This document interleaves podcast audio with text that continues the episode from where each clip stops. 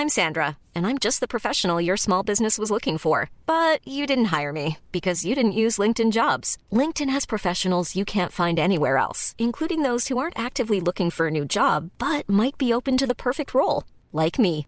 In a given month, over 70% of LinkedIn users don't visit other leading job sites. So if you're not looking on LinkedIn, you'll miss out on great candidates like Sandra. Start hiring professionals like a professional. Post your free job on linkedin.com/people today. Hey there, it's Michelle Norris. I'm host of a podcast called Your Mama's Kitchen. When I travel, I'm usually looking for a way to find a taste of home when I'm not at home. And one of the things I love to do when I am at home is entertain. And Airbnb allows me to do that. When I was in California recently, I rented a house that had a great kitchen. And when we were sitting around the table, we we're all thinking, we're in someone else's house. Someone could be in all of our homes as well. If you have a home, but you're not always at home, you have an Airbnb. Your home might be worth more than you think. Find out how much at airbnb.com/slash host. Wow. Nice. Yeah. What you're hearing are the sounds of people everywhere putting on Bombas socks, underwear, and t-shirts made from absurdly soft materials that feel like plush clouds. Yeah, that plush. And the best part? For every item you purchase, Bombas donates another to someone facing homelessness. Bombas. Big comfort for everyone. Go to bombas.com slash ACAST and use code ACAST for 20% off your first purchase. That's bombas.com slash ACAST. Code ACAST.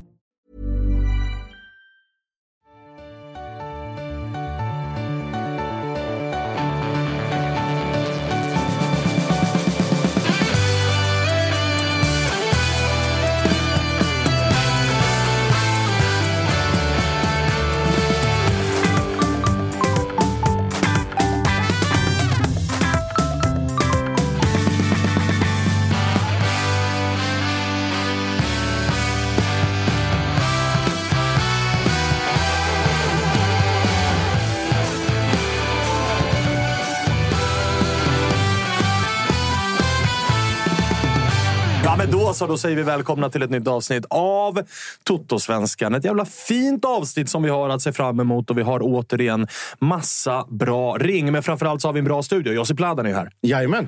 Stort tack. Hur, hur eh, mår du? Mår bra. Mår bra. det så? Ja, ja. Allt är frid och fröjd. Ska inte klaga. Fan vad fint. Marcus Tapper stövlade in här och konstaterade att eh, Pekings 12-åringar spöade Djurgårdens B-lag. Ja, ja, Det var du glad över? Det var fint. Eh, Det är den här perioden på året där man liksom, även U21-matcher, U19-matcher och sånt, kan man liksom finna en glädje i att så här, vet, man bara får en rapport. Så här, det här, den här ungen var bra och Djurgården start- startade med Mange Eriksson och ändå vann vi. Liksom, så att, eh, det är en enkel tid att försöka få vara optimistisk, tycker jag. Än så länge är drömmar inte förstörda och eh, de växlar som går att dra som är positiva, de drar man gärna. Ja, ja, verkligen. Alltså, nu, den, här, den här tiden på året så räcker det ju med en liten sån rapport att den här killen var helt okej på träning för att man ska känna att uff, han exploderar. Ja, ja. Herregud. herregud. Eh, hörni, vi har Walter med oss också tillbaka. Det var ett tag sedan du var med. Välkommen tillbaka. Ja, tack så mycket. Hur mår du? Jag mår jättebra. Det är skönt att det är igång nu. Jag tycker det har varit välbehövlig paus. För egen del så kopplar jag gärna bort fotbollen liksom november till januari typ. Mm. Eh, och det har varit rätt skönt. Men nu är man ju taggad igen eh, och eh, tävlingsmatchen har börjat så det är kul att vara tillbaka. Vi, på tal om att Tappers och Pekings pojkar 15 eh, gick och vann någon märklig träningsligacups P19-match. U20 U21 ligacup elit norra tackar som frågar. Okej, okej. U21 och Mange Eriksson i start. Jag får inte riktigt att gå ihop, men skitsamma. AIK möter ju Bayern idag på Årsta i någon form av... Jag vet inte om det är träningsmatch eller om det är någon form av ligacup. Nej, du nämnde historia. det innan. Det, det har gått mig förbi. Eh, men känslan är att det borde vara träningsmatch eh, den hur? här tiden på året. Jag eh, kommer ifrån ett jävla kallt Skytteholm där jag noterade att så här, Emmanuel Gonot, våra nya liberianske tremetersanfallare, inte var där. Och då fick jag informationen att nej, men han kommer nog vara med i den matchen ikväll. Och fan, klubbarna borde bli bättre på att informera när P19 och U21 och de här Ja. spelar. För att nu vill man gärna se de här talangerna. Nu har ju alla börjat med det här fotboll play. Ju. Eh, Den här nya tjänsten som jag tror att alla allsvenska lag kommer använda sig av eh, i viss mån kanske. Eller jag vet inte riktigt hur det funkar. Eh, Men jag har sett att många allsvenska lag har börjat med det i år i alla fall. Och då var det så här, helt plötsligt kom det ut där. Det här är en U21-match, här är elvan. Och så var det ju massor killar man ville se. Men ska man behöva casha liksom 50 spänn per match, då kan man gå i graven i år. Om jag ska behöva liksom alla u matcher och alla ungdomsmatcher och sånt. Att det ska kosta 50 spänn varje gång man ska kolla, det, det går inte. Tapper kommer hitta någon fulstrid på det.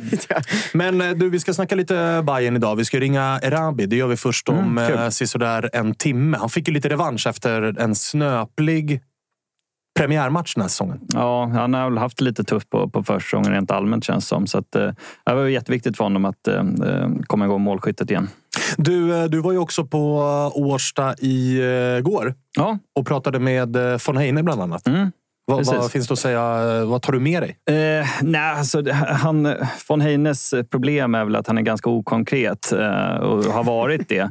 Eh, sen har man varit väldigt öppen med strategin men, men det är ju väldigt mycket liksom fina värdeord och, sånt och, och svårt att, att konkretisera där. Eh, så det, det som, som jag upplevde som var nytt Eh, Eh, var väl att eh, han beskriver Hammarbys truppstrategi så den ska ingå 20 utspelare i den och eh, det finns fyra kategorier, det var inget nytt. Men att i den tänkta startelvan sen när den här strategin är på plats, då ska 50 procent bestå av nyckelspelare, vilket är spelare som är 25 till 29 ungefär. Så att det är väl det man kan ta med sig, att den här unga satsningen i Bayern rent konkret så, så förväntar man sig då att hälften av laget består av prime-spelare och hälften är liksom ja, utvecklingsbara eh, av de som spelar. Hårt Sen, mot eh, Nahir. 25 till 29. Ja, ja precis. Sen, du får inte vara med längre. Nahir. Du är bäst i allsvenskan på din position, men du är tyvärr 32. Liksom. Ja, nej, men, men så, så, är det naturligtvis inte. Men, men tanken är, om man ska eh, konkretisera Hammarbys eh, Eh, truppstrategi så, så är det då 20 spelare. Och, men det är inte så att, och det finns fyra kategorier, men det är inte så att varje kategori spelare ska vara fem i varje. Utan man ska ha kanske fem nyckelspelare. Alltså de, de högst löner, de som alltid spelar och också ska vara tillgängliga i träning. Och sen så har man kanske 12-13 utvecklingsbara spelare och tre truppspelare. Eh, och truppen ska huvudsakligen komma från FF då. Eh, men så det var väl det, det kanske nya som framkommer i den intervjun och den finns att lyssna på på, på Spotify på, i Bayern idag. Härligt! Eh, hörni, det har ju också blivit klart med. Det blev väl klart i förrgår eller någonting. Eh, det blev ju som vi kunde avslöja i eh, Jon Dahl Tomasson. Som, yeah, Lägg av med det Ja, sluta och prata eh, danska.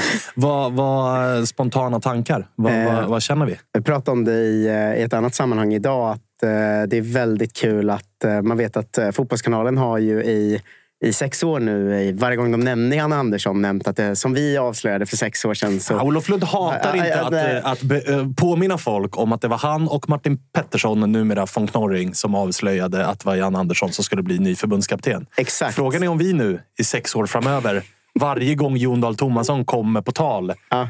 Som vi, kunde avslöja. Som, som vi kunde avslöja. så, så där, men... våren 2024 ja. så blev det Jon Dahl Tomasson. det är klart det är en fjäder i hatten för oss att vi kunde avslöja förbundskaptenen. Det är det största avslöjandet man kan, man kan ha i princip. Men det var det jag skojade om också. Att kanske när jag är ute och kör stand-up och så, att se, bara lägga in det lite då och då. Att som, som, jag jobbar med ett program då, Tuttosvenska, som kunde avslöja att eh, Jon Dahl Tomasson Men det känns väldigt fel, bra. Pu fel publik.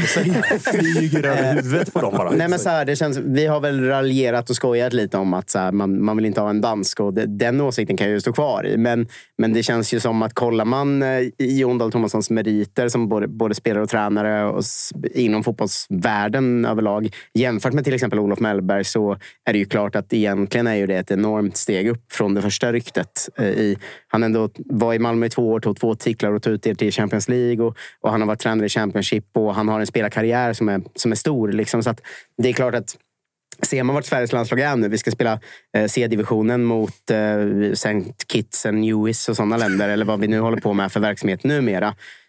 Med det i åtanke så är Jon Dahl Tomasson ett, ett ganska stort namn att landa.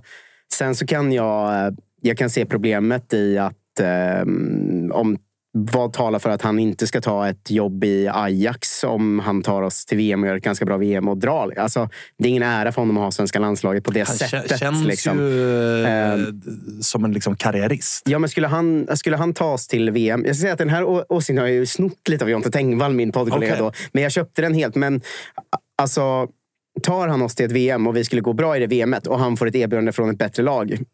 En sån ära är det inte för honom att träna svenska landslaget. Och det kan jag på riktigt se, se som ett problem. Liksom. Eh, jag, jag, kan förstå den invändningen. Men här och nu, kan vi landa någon bättre? Jag vet inte fan alltså. Nej, det här, det här handlar bara... Jag tror att... Eller vi fastnar ju...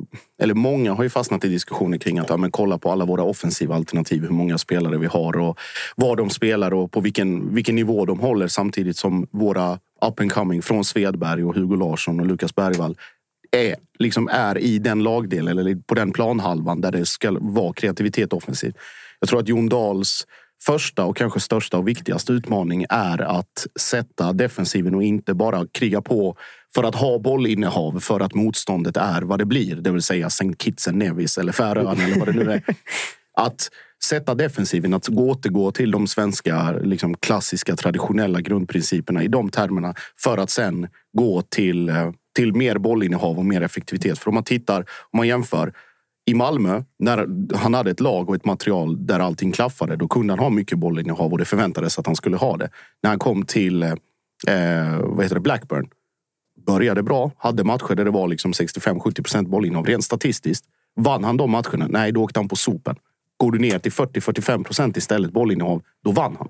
Och det är li lite liknande med Marti, vad han gör i QPR. Det är samma sak där. Det är inte bollinnehav till varje pris. Och sen är han i ett tuffare tabelläge. Men att du lär dig utifrån de erfarenheterna att även om du har en miljard offensiva alternativ så låt dem hellre vänta och ligga på rulle för att det spelet sköter sig självt.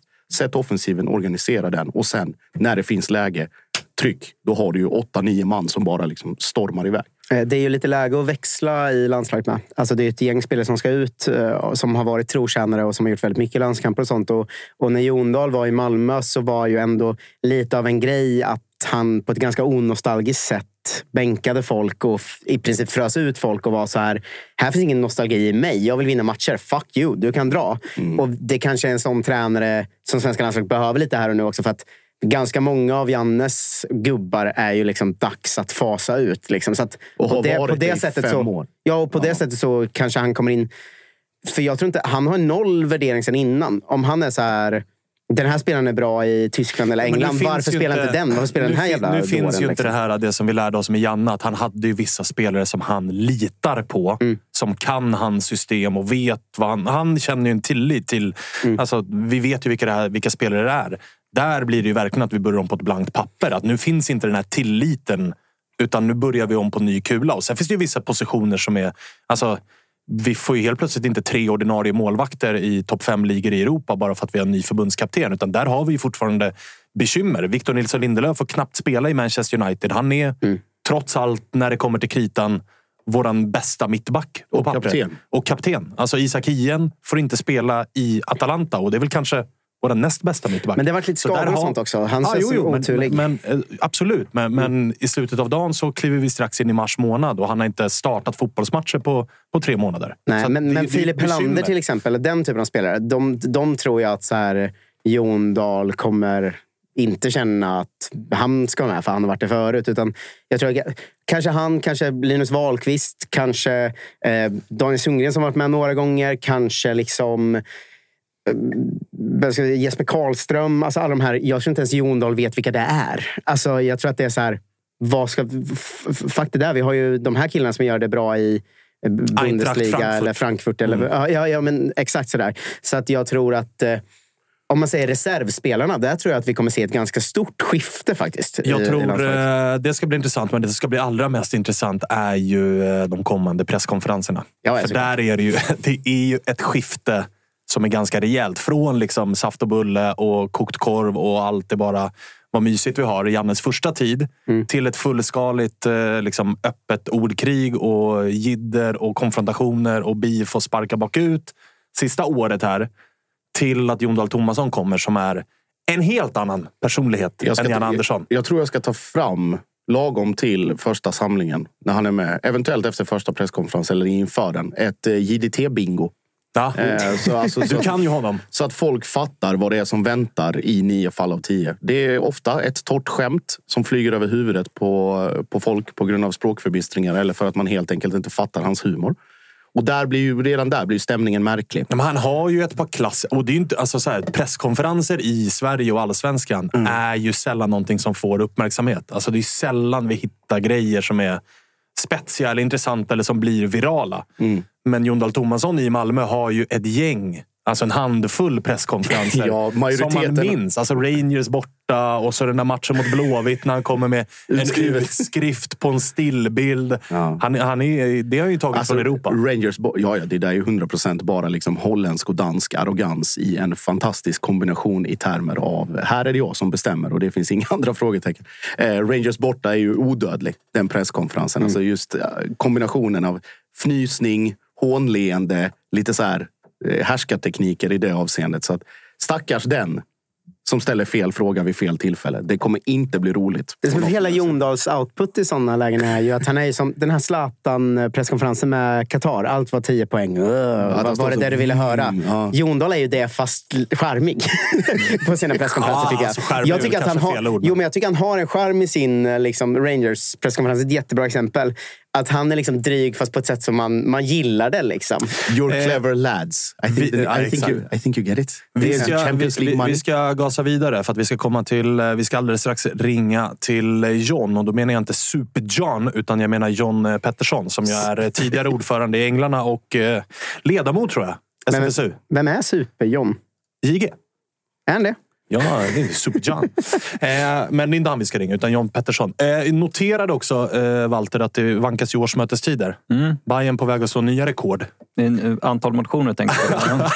Det, Ja, det, det, man- det, det där man- mötet kan gå ut över två, tre dagar. Alltså. Ja, exakt. Man vågar knappt gå på det mötet just, just med anledning att eh, 22 motioner ska, ska behandlas. Eh, Ja, det är helt vansinnigt. Och Hammarby har ju en tradition och det, det finns ju några som alltid lämnar motioner och som alltid gillar att höra sin egen röst. Eh, Så att, eh, och, och på det, och det, brukar vara typ 3, 4, 5, kanske upp till 10 motioner. Men 22 motioner, det blir, ja, det blir lång bänk. Det blir det Men det finns, finns öppen bar på Södra Teatern här förstås.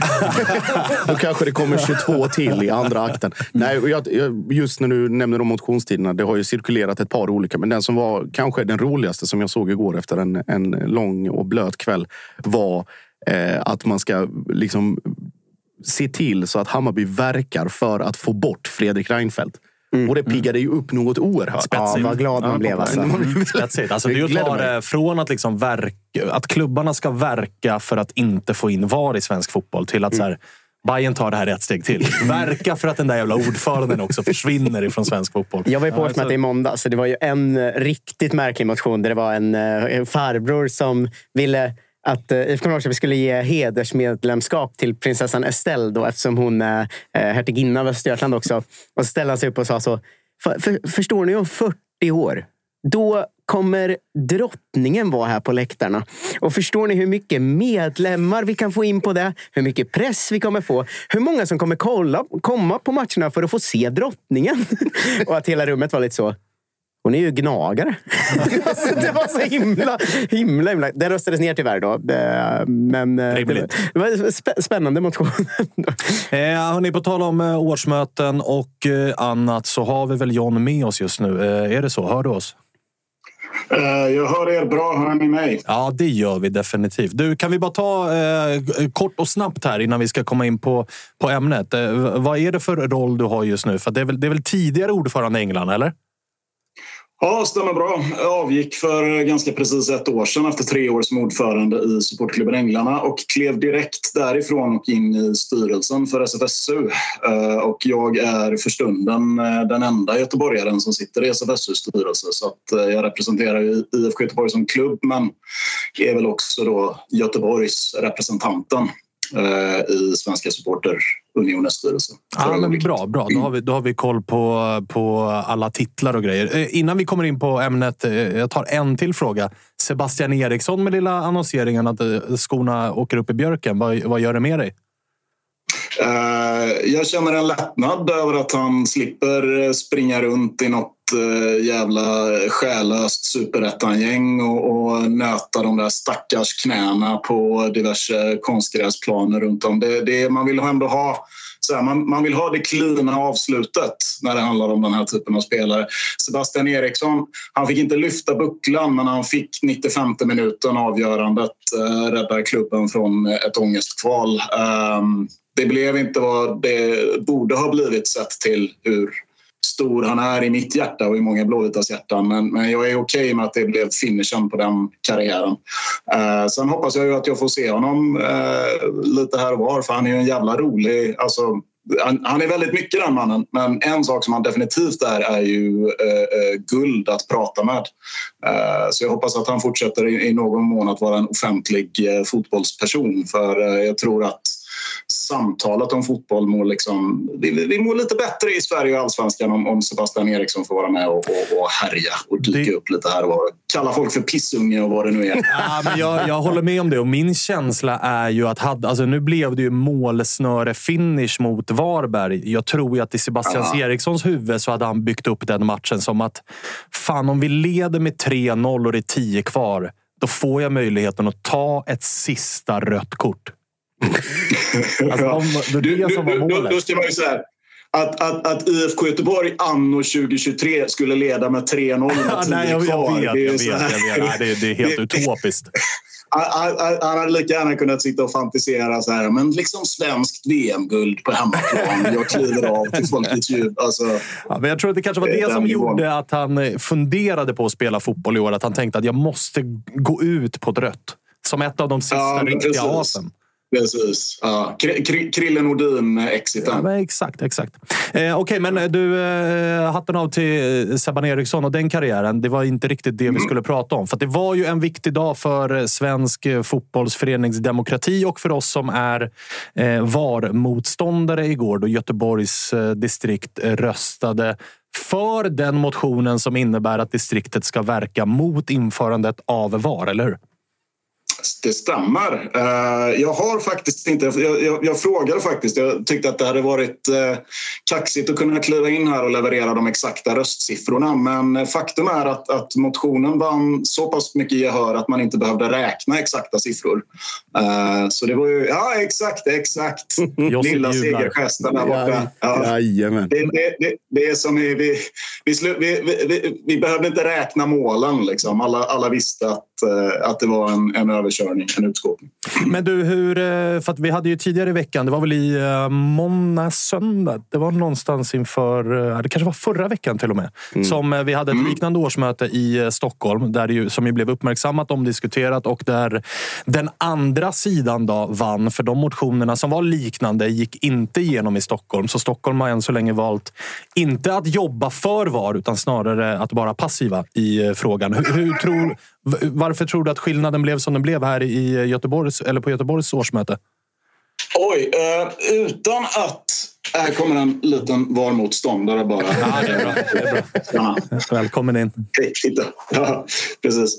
Uh, nej, men utan att vilja, liksom, utan, utan att vara speciellt insatt i Stockholm eller att på något sätt kunna recensera det jobbet som är gjort där så, så kan jag bara tala för vad vi hur, hur det gick till i Göteborg. Och, och, det som hände där var ju att vi på ett ganska tidigt stadium efter att Gais hade lämnat in sin motion så, så togs det en kontakt internt i supporterled. Uh, och, uh, där det redan från början skulle jag vilja säga att vi inte ville liksom lämpa över allt det här på respektive moderförenings styrelse och liksom lita på att de skulle göra grovjobbet när det kommer till liksom det föreningsdemokratiska fotarbetet utan det fanns Eh, redan tidigt i vintras. Eh, jag har tittat lite bakåt. Första kontakten tror jag togs i november så det är med liksom tre, fyra månaders varsel. Och eh, den här förståelsen för att det, alltså det handlar inte om supportrar versus breddfotbollen därför att supportrar är breddfotbollen.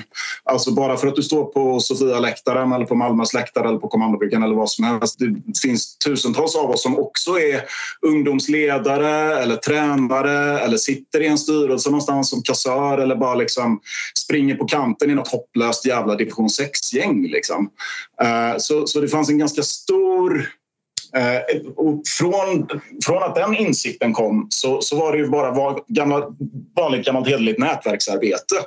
Eh, vi upprättade, jag, jag kommer säga vi nu, jag vill understryka att det är många fler än jag som har jobbat mycket, mycket hårdare med det här. Men för enkelhetens skull, för liksom den retoriska tydlighetens skull så kommer jag säga vi. För att jag har ändå suttit i den här lilla arbetsgruppen, liksom, både internt i Blåvitt och i den här lilla sambandscentralen. Men ganska tidigt, eh, man tittar på de senaste tio åren förbundets årsmötesprotokoll. Okej, okay, hur många klubbar är det som faktiskt dyker upp? Uh, brukar vara mellan 25 och 40. All right, då vet vi om att uh, värvar vi in kanske 20 klubbar som kommer dit och röstar för motionerna, men då har vi sannolikt en seger. Det, det är ju så att den här typen av omröstningar, de ska ju vara vunna innan du ens sätter dig i mötesrummet. Alltså på ett sätt är det ju så. Du vill ju egentligen undvika att gå in och ta den här. Jag har förstått att det blev ganska hetsigt i Stockholm, att det blev liksom en intensiv debatt. Och i det läget så tror jag att då är det psykologiskt enklare att rösta för status quo. Att liksom mm. gå på styrelsens linje av, av ren slentrian. Framför allt, och nu är jag ute och surrar i, i ganska liksom, eh, vad ska man säga, poppsykologiska vatten här. Men jag fick ju den upplevelsen att i Stockholm kanske det uppfattades lite mer som att AIK, Bayern och Djurgården klev in och sa rösta så här. Uh, alltså att eliten säger till bredden att eh, det är den här linjen ni får köra. Och, och om det uppfattas så så blir det också svårare, fram, framför allt om man, jag menar våra elitklubbar är dåliga på att dyka upp på förbundsmöten och liksom, eh, jobba i förbundet. Jag vet som sagt inte exakt hur det ser ut i Stockholm. Uh, men i alla fall, det var en total tangent. Um, vi gjorde en gammalt hederligt Excel-ark, Google kalkylark, uh, identifierade, okej okay, det är 188 klubbar i Göteborg Eh, som är röstberättigade på årsmötet i februari. Ehm, kan vi hugga 20 av dem? Liksom? Och sen var det bara att börja. Börjar ringa runt, börjar snacka med folk. Eh, jag har en sån här skärmdump som jag har skickat till en jävla massa människor där jag liksom skriver till en snubbe som jag pluggade ihop med 2012. Bara, Tjena Johan! Du, fan visst lirade du boll när vi pluggade? Vad, vad, vad hette din förening nu igen? Alltså, det, på den nivån verkligen. Um, sen hade vi lite flyt med vissa saker. Uh, en, det var viktigt att liksom fånga upp de här... Alltså en, en grej som var jävligt viktig psykologiskt var att verkligen få med sig så stora breddklubbar. Och där har jag ett exempel. En, en, en stor breddklubb i, i Göteborg som Ja, jag ska släppa ut dig. Förlåt, jag måste bara släppa ut honom. Ja, det är inget problem. Till, till, till, till Dupplot som är precis här ute. Ja, ska, ska inte behöva vara instängd. man, man blir väldigt inspirerad av det här tycker jag. Fortsätt. Ja, alltså, Ja, precis. Nej, men, ehm, vi var också tydliga med, vi gick ut i Änglarnas medlemstidning, exempelvis då internt i Blåvitt, går ut till 3000 eh, medlemmar med liksom en uppmaning. Hej, om du är ängel och, och, spelar eller är ledare i en breddförening så vill vi att du läser detta. Och sen så bara kort information. Det här är årsmötet. Eh, ta gärna snacket i din klubb. Vill du ha eh, hjälp med argumentationen så kontakta supportklubben Änglarna så, så hjälper vi dig med liksom ett underlag. Eh, och få dit ett ombud till årsmötet 27 februari som som, röstar i den här frågan för den är viktig för, för IFK Göteborg och det speglar IFK Göteborgs medlemmars vilja. Um, Ja, nej. Uh, det, det jag var inne på tidigare med det här. Liksom, det var en kille som, som DMade mig på Twitter efter att vi hade dragit igång det här. Och, och liksom, ja, tjena, jag är eh, med i den här klubben. Uh, och, och, jag ska snacka med ordföranden och så där. Så fick man med dem. Det, är en väldigt stor inflytelseklubb och då fattar man också så att breddklubbarna existerar ju ofta i kluster och har sina egna nätverk. Uh, där de liksom jobbar mycket med... Alltså det kan, kanske finns liksom en stor klubb i stadsdelen men de har ofta också väldigt bra kontakter med de mindre klubbarna. Uh, så då kunde man med, be den klubben liksom, okej, okay, men kan du snacka med uh, de andra klubbarna uppe i Johanneberg eller i, i Högsbo, Majorna, vad det nu kan vara. Liksom. Och, och, efter ett tag, så jag vet att vi räknade Eh, eh, dagen innan årsmötet, det vill säga i förrgår, så tror jag att Eh, då gjorde Oscar... Eh, jag kommer att lyfta honom nu. Jag vet inte hur bekväm han är med den. Men, jag vill säga hans namn klart och tydligt för jag tycker han förtjänar det. Oscar Pettersson, ordförande i Gårdakvarnen, har varit eh, sammankallande i det här arbetet, har varit drivande i det här arbetet, har varit initiativtagare i det här arbetet. och jag tycker att vi ska säga hans namn högt i Tuttosvenskan för det jobbet han har lagt ner, det är bara att lyfta på hattjäveln. som en gammal tränare sa en gång. Ehm, Ja, men då, eh, då skrev Oskar i, i chatten och sa att ja, men jag tror att vi har 25-27 röster. Um, och det är en jävla trygghet om man vet om så här, men snittet som kommer är liksom 30 klubbar. Och så vet man om att redan från start, innan vi har klivit in i rummet, så har vi 25 röster säk säkrade. Det är klart att det gav liksom en, en förhoppning. Sen vågar man ju inte tro på det. Liksom. Man sitter ju och, och, och, tror på jinxen. Men en annan grej som jag också vill lyfta faktiskt. Fan, nu, jag bara jag öser på här. Kör, kör, Hemskt kör. ledsen. Nej, tvärtom. Nej, men en, en, en, en, annan grej som, som jag också vill lyfta då, liksom, dels att vinna Eh, dels att vinna klubbar eh, eh, tidigt genom nätverksarbete, att få dem att rösta för motionen men också det pedagogiska jobbet man får lägga ner på att snacka med folk och få dem att förstå att ja, men, okay, jag, jag respekterar att ni inte vill rösta för motionen. Liksom. Ni kanske inte har, har hunnit liksom, snacka om det internt i klubben eller du personligen som, som ordförande eller sekreterare, whatever, du kanske är för VAR. Helt okej, okay, jag, jag respekterar det.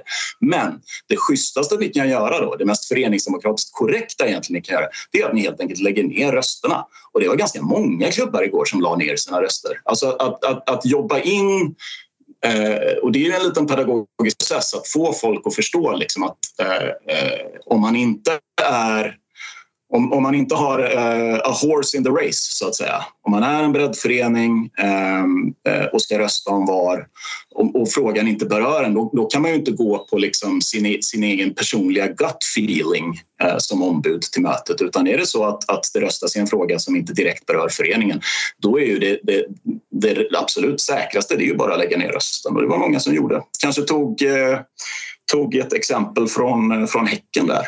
Ehm, men det här har ju varit renodlat föreningsdemokratiskt fotarbete helt enkelt eh, som har pågått över tid eh, i eh, tre, fyra månader. Och jag vill understryka att det här är ju någonting som Eh, tappar, jag, jag hörde lite du sa där inspirerande och, och jag vill verkligen att, så här, att andra, andra distrikt, min vår stora förhoppning nu eh, det är att distrikt som inte har hunnit rösta än, eh, som kanske behöver bita i det här till nästa årsmöte, eh, att man tar det här som, som någon form av positivt exempel.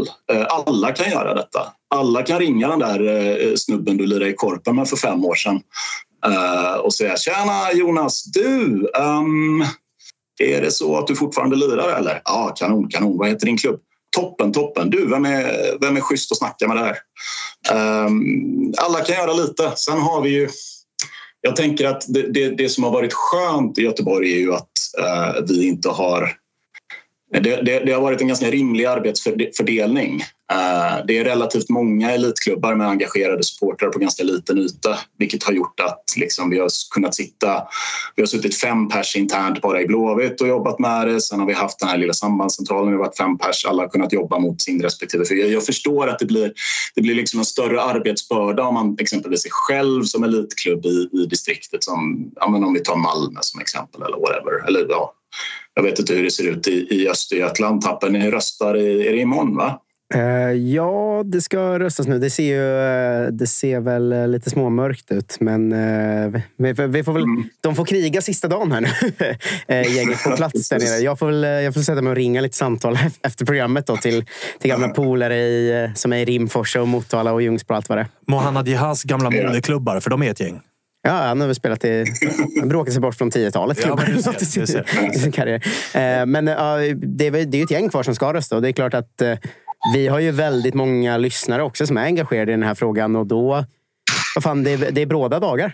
Som, som John säger, det börja ring. Börja ta tag i det. Liksom. Eh, Josip har eh, en liten... Eh, jag vet inte om det är fråga, men jo, det är, det är en fråga. Jag tänker på, på det John. Alltså, det är jätteintressant det du säger där i början. Alltså hur man paketerade till breddföreningar i Stockholm kontra Göteborg eller nu när det kommer till Skåne. Eh, för att där mobiliserades ju, precis som när ni började i november så var det ju samma snack där. Och man skulle ringa Skåneboll och, och mailbomba dem och sen härja runt på, på sina håll och kanter.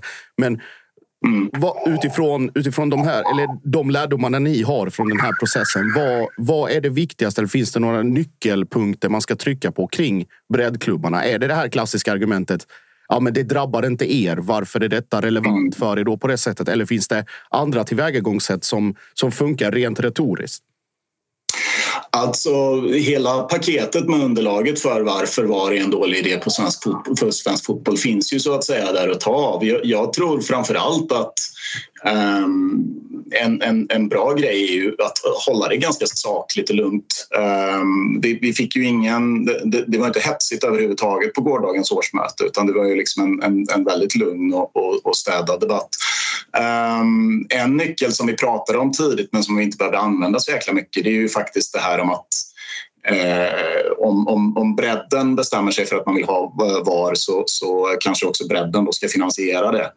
Eh, det är en, alltså den rena kostnadsfrågan. Liksom. Eh, den, sen tror jag inte vi behövde använda den så mycket. Generellt sett så upplevde jag att de klubbar där Eh, Eh, där vi fick liksom ett, eh, ett ja till motionen. Det var inte mycket övertygelse som, som, eh, som behövdes. Den här frågan har stötts och blötts så pass mycket att det fanns liksom ett ganska cementerat jag, jag, behövde aldrig gå in i liksom några långa debatter med någon utan eh, det var ganska snabbt. Man, man snappade upp att eh, ja, okej, okay, ja, men absolut, det här är någonting som det liksom finns, finns ett grundmurad misstro mot och då vill vi mm. ta det hela vägen in i ett förbundsbeslut. Men du, jag tror att både du och jag noterade också att vår gode vän Jocke Hanes, du var inne på det, att lägga ner sin röst behöver... Mm. Alltså i mina, det låter ju det låter, den spontana tanken när man ser att en klubb väljer att lägga ner sin röst i frågan. Då låter mm. det som att man inte stöttar motionen.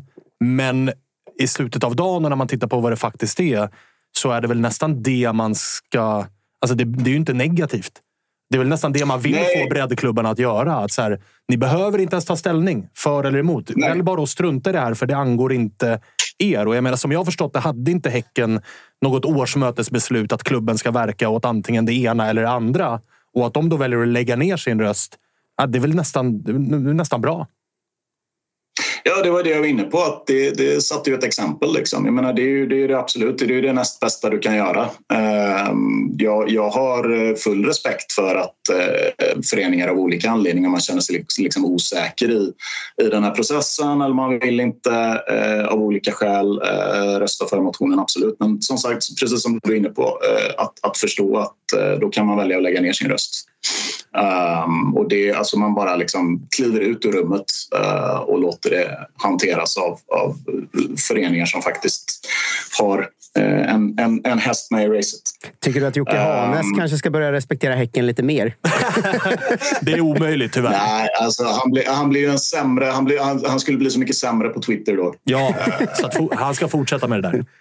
Ja, Absolut. Jag tänkte på, på en sista grej John, innan vi, innan vi släpper dig. För att när man har märkt hur de här olika distrikten formulerar sig i eh, ställningstagandet då, eller när det kommer då från hur ska säga, distriktsstyrelsen, hur man ställer sig till de här motionerna, till exempel i Östergötland, Västergötland, Göteborg eller vad det nu än är. Att det är samma standardformulering som används oavsett vilket distrikt det är. Det vill säga att det är för tidigt att avgöra. Detta ska egentligen tas upp 2025. Vi vet inte riktigt vart debatten kommer ta vägen. Vad, vad känner du spontant kring att man väljer liksom mall 1A oavsett om det är Norrland eller Skåne?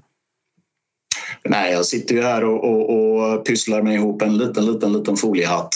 Ehm, om, om samma distrikt använder identiska formuleringar eh, eh, vare sig det är Norrland, Gästrikland eller vart det än är och, och så, så, börjar man ju misstänka saker och ting. Nej, men jag, jag, jag, jag, kan förstå att det finns en viss byråkratisk tröghet eh, på förbundsnivå, att man är eh, osäker och, in, och, inte vill committa sig. Samtidigt så är det ju precis som, som vi har sagt hela tiden, vi har tillräckligt mycket information för att fatta ett beslut. Eh, det, eh, vad heter det, det finns inget som, som säger att vi måste avvakta ytterligare ett år. Samtidigt så hörde jag någon, jag vet inte vem det var, men det var någon som skrev på Twitter att frågan kommer ju behöva ställas på sin spets snart och det blir det till nästa år då. Um, så jag vill väl egentligen mest bara uppmana... Alltså det, det, det är en svaghet också, tänker jag, det, det här du påpekar att, att det blir Formel 1 formulär 1A i, i motionssvaren. Det blir ganska luddiga. Det blir det här vänta och se-retoriken, vänta mm. och se-retoriken, vänta och se-retoriken. Och den går att eh, eh Eh, den går att besegra. Eh, det har vi sett ett tydligt exempel på igår. Är man, är man eh, skarp i sin argumentation, är man villig att lägga ner det här liksom, fotarbetet och, och eh, verkligen den gamla sortens medlemsdemokrati, liksom, sätta sig och, och, och ringa och messa folk och, och, prata med folk, då, då, har man alla möjligheter i världen att få igenom beslut i sitt eget distrikt. Extra viktigt tänker jag i de distrikt som faktiskt inte har elitklubbar. Eh, för de har ju samma antal, alltså om det här beslutet, om det slutgiltiga beslutet nu ska ta på någon sorts repskapsmöte, då är det ju så att liksom Göteborg har, vi har fem, sex elitklubbar eh, ett givet år. Eh, men vi har samma antal röster på ett repskapsmöte som Fan också, nu kommer jag inte på något. Bohuslän. något distrikt ja, men så här, utan elitklubbar. Mm. Nej, Bohuslän har stolta Ljungskile. ja. Fick jag på pumpen där. Ja, det är bra. Jajamän, de är uppe i superettan emellanåt. Ja, ja, Eh, jag har, ja. Det är min, min bästa, min konstigaste supportermerit är att jag har eh, skrivit eh, Ljungskiles eh, mest berömda hejaramsa.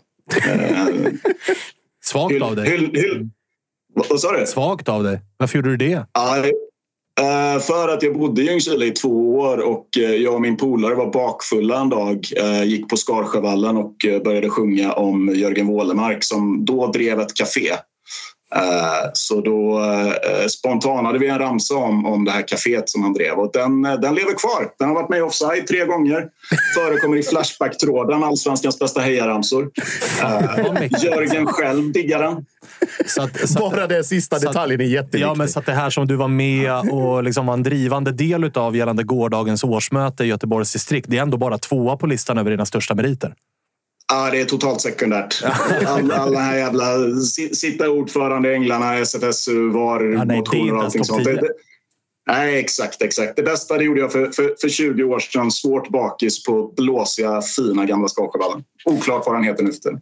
Fan vad fint. Du, eh, Tapper, hade du någonting eller känner vi oss eh, nöjda med eh, snacket om segern i eh, distriktsårsmötet igår? Ja, men Jag hade egentligen en snabb fråga bara. För att jag tycker att eh, när distrikten och styrelserna i distrikten kommer med sina svar på motionerna att eh, det är ganska mycket ordval och sånt där det känns som att eh, det är en väldigt bristande respekt för vad föreningsdemokrati är. Jag tänker till exempel på, på Östergötlands, om jag läser rakt av så står det från styrelsen då. eh, Det är tydligt att elitföreningarna främst genom sina medlemmar är emot införandet av VAR. Va, Vadå främst genom sina medlemmar? Det är ju elitföreningarnas högsta beslutande organ. är ju medlem. Alltså, förstår ni vad jag menar? Att, Ja. att de respekterar ju uppenbarligen inte... Alltså, samma De sak som vi pratade om med var på- BP. ja. liksom, att, Det här är bara medlemmarna som Ja, tycker. Det finns inget bara medlemmarna. Och så här, vet du om det görs det något liksom jobb i att så här antingen få distrikten att förstå vad en medlemsdemokrati är eller tror du det bara är att de liksom skiter i det? för, för att vara rak. Liksom. För våra, podd, för våra poddlyssnare kan jag bara beskriva i bild att medan Marcus pratar så viker John foliehatten lite, lite, lite mer. Alltså ju längre det pågår. Fortsätt, förlåt. Måste, måste skydda mig från eh, de elektromagnetiska signalerna som pumpas ut från eh, Svenska fotbollsförbundets högkvarter. Rösta Reinfeldt, rösta Reinfeldt. Um, alltså, jag, jag tänker så här, Marcus, att det du är inne på är ju egentligen att vi har haft vad man kan kalla för ett medlemsdemokratiskt underskott i svensk fotboll över tid. Eh, det är ju bara att titta på, alltså det, för mig knyter det här an till eh, den låga närvaron. Jag menar 188 föreningar och vi såg ganska tidigt att ja, men det räcker med att 20 av dem, liksom, för det är inte fler än 30 som dyker upp på årsmötet. Och det gör ju att de här personerna som sitter i förbundsstyrelsen, också att våra elitklubbar eh, generellt sett skulle jag, den uppfattning jag har fått, elitklubbarna är också dåliga på att vara för, förankrade i distrikten. Vilket innebär att de här distriktsstyrelserna, eh, då, jag tror att de jag, jag, jag tror inte att det finns någon liksom malicious intent från början men att de blir ganska vana vid att kunna göra lite som, som, som, som det passar styrelsen. Förstår ni vad jag menar? Eh, det blir liksom ganska långt från... Det är, det är inte speciellt välbesökta årsmöten. Det är eh, oftast inte eh, Eh, väl superengagerande motioner som kommer upp. Igår slog de väl någon sorts besöksrekord. Det är väl bara den här den så kallade Göteborgsmotionen om, om fördelningen pengar, bredd och elit som, som har lockat fler till det här årsmötet. Liksom. Uh, och det, det gör ju någonting tror jag med, med beslutsfattare, framförallt de som sitter länge. Jag, menar, jag, jag tittade på Eh, jag, jag vill inte säga eh, för mycket negativa saker om, om eh, Bert Andersson har hanterat det här med tanke på att han, jag tyckte att han faktiskt var ganska vettig igår när, när han snackade med, med Wagner på Aftonbladet och sånt. Men han verkade ju i det närmaste lite häpen över hur han skulle förhålla sig till liksom, ett, ett årsmötesbeslut. Det var ju sådär...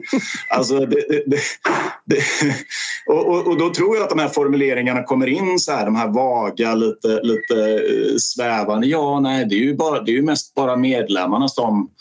Alltså man, man tappar bort medlemmarna om man tänker att, att eh, besluten tas i en styrelse. Eh, men, men jag är villig att ge, eh, försöker vara villig att vara liksom lite generös där och tänka att det handlar om också att vi som medlemmar i våra klubbar, i våra distrikt, i våra förbund, att, att vi eh, måste börja också eh, jobba eh, med att faktiskt eh, gå dit. Decisions are made by those who show up sa de i Vita huset som jag kollade på för 15 år sedan. Det är väl det vi alla behöver fatta. Riktigt bra avslutande ord och gott snack i sin helhet. Vi ska trumma vidare här och ringa Josef Erabi, men eh, riktigt trevligt att prata med dig och hatten av och bra jobbat. Tack så hemskt mycket gubbar. Eh, Trumma på nu så hörs vi framöver. Det gör vi. Det gör vi. Ha det fint. Hej. Hej. För första och sista okay. gången heja Göteborg. alltså, verkligen. Hatten av. Det är sällan man ser av, blickar avundsjukt mot den delen av Sverige, men den här gången gör vi det.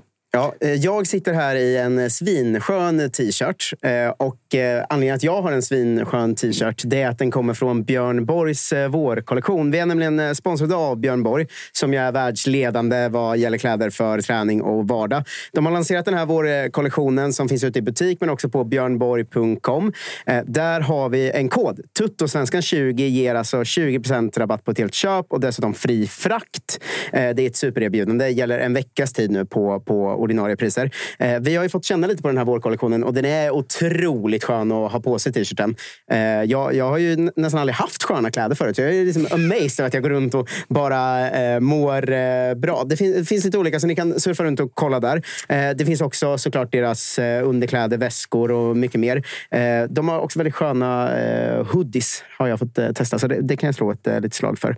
Ehm, gå in på björnborg.com använd koden tuttosvenska20 för 20% rabatt och gör det nu. Vi säger eh, tack till Björn Borg för att ni gör Tuttosvenskan möjligt. Nu vänder vi från årsmötet i Göteborgs eh, distrikt och ska prata med Erabi. Tvåmålsskytten i en ganska så jävla svängig historia. Ja, gud.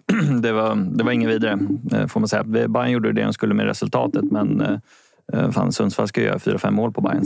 ja, men enligt Kim Hellberg kunde det lika gärna blivit 8-4. Ja, och, och 4-8. Ja. det var en fruktansvärd match tycker jag. Är det så? Ja, faktiskt. Var den värre än den förra? Eh, ja, det tycker jag. Okej. Okay. Mm. Fan, fan spännande. Eh, nu, nu tror jag att vi alldeles strax i alla fall har med oss eh, Erabi. Jo, först lite paprika, sen Josef Erabi. Ja, eller det, var hans, det var hans airpods-fodral. Var, var det airpods-fodral eller en paprika som dök upp i bild? Nej, det här är fan inte mitt alltså. vi, tar, vi, tar, vi inleder med att ta... Det, är, det är inte mitt alltså. Vi tar starkt avstånd ifrån eh, det som var ett eh, fodral till ett par hörlurar. Eh, tjena Josef, hur är läget? Tjena, tjena. Det är bara bra. Tack själv då. Det är toppen. Det är toppen. Vi har pratat eh, VAR och årsmötesbeslut och grejer. Nu ska vi prata lite fotboll. Grattis till tre poäng i måndags. Tack så mycket. Tack så mycket. Och eh, två mål från din sida också. Skönt att öppna målkontot. Ja, väldigt skönt. Väldigt skönt. Efterlängtat.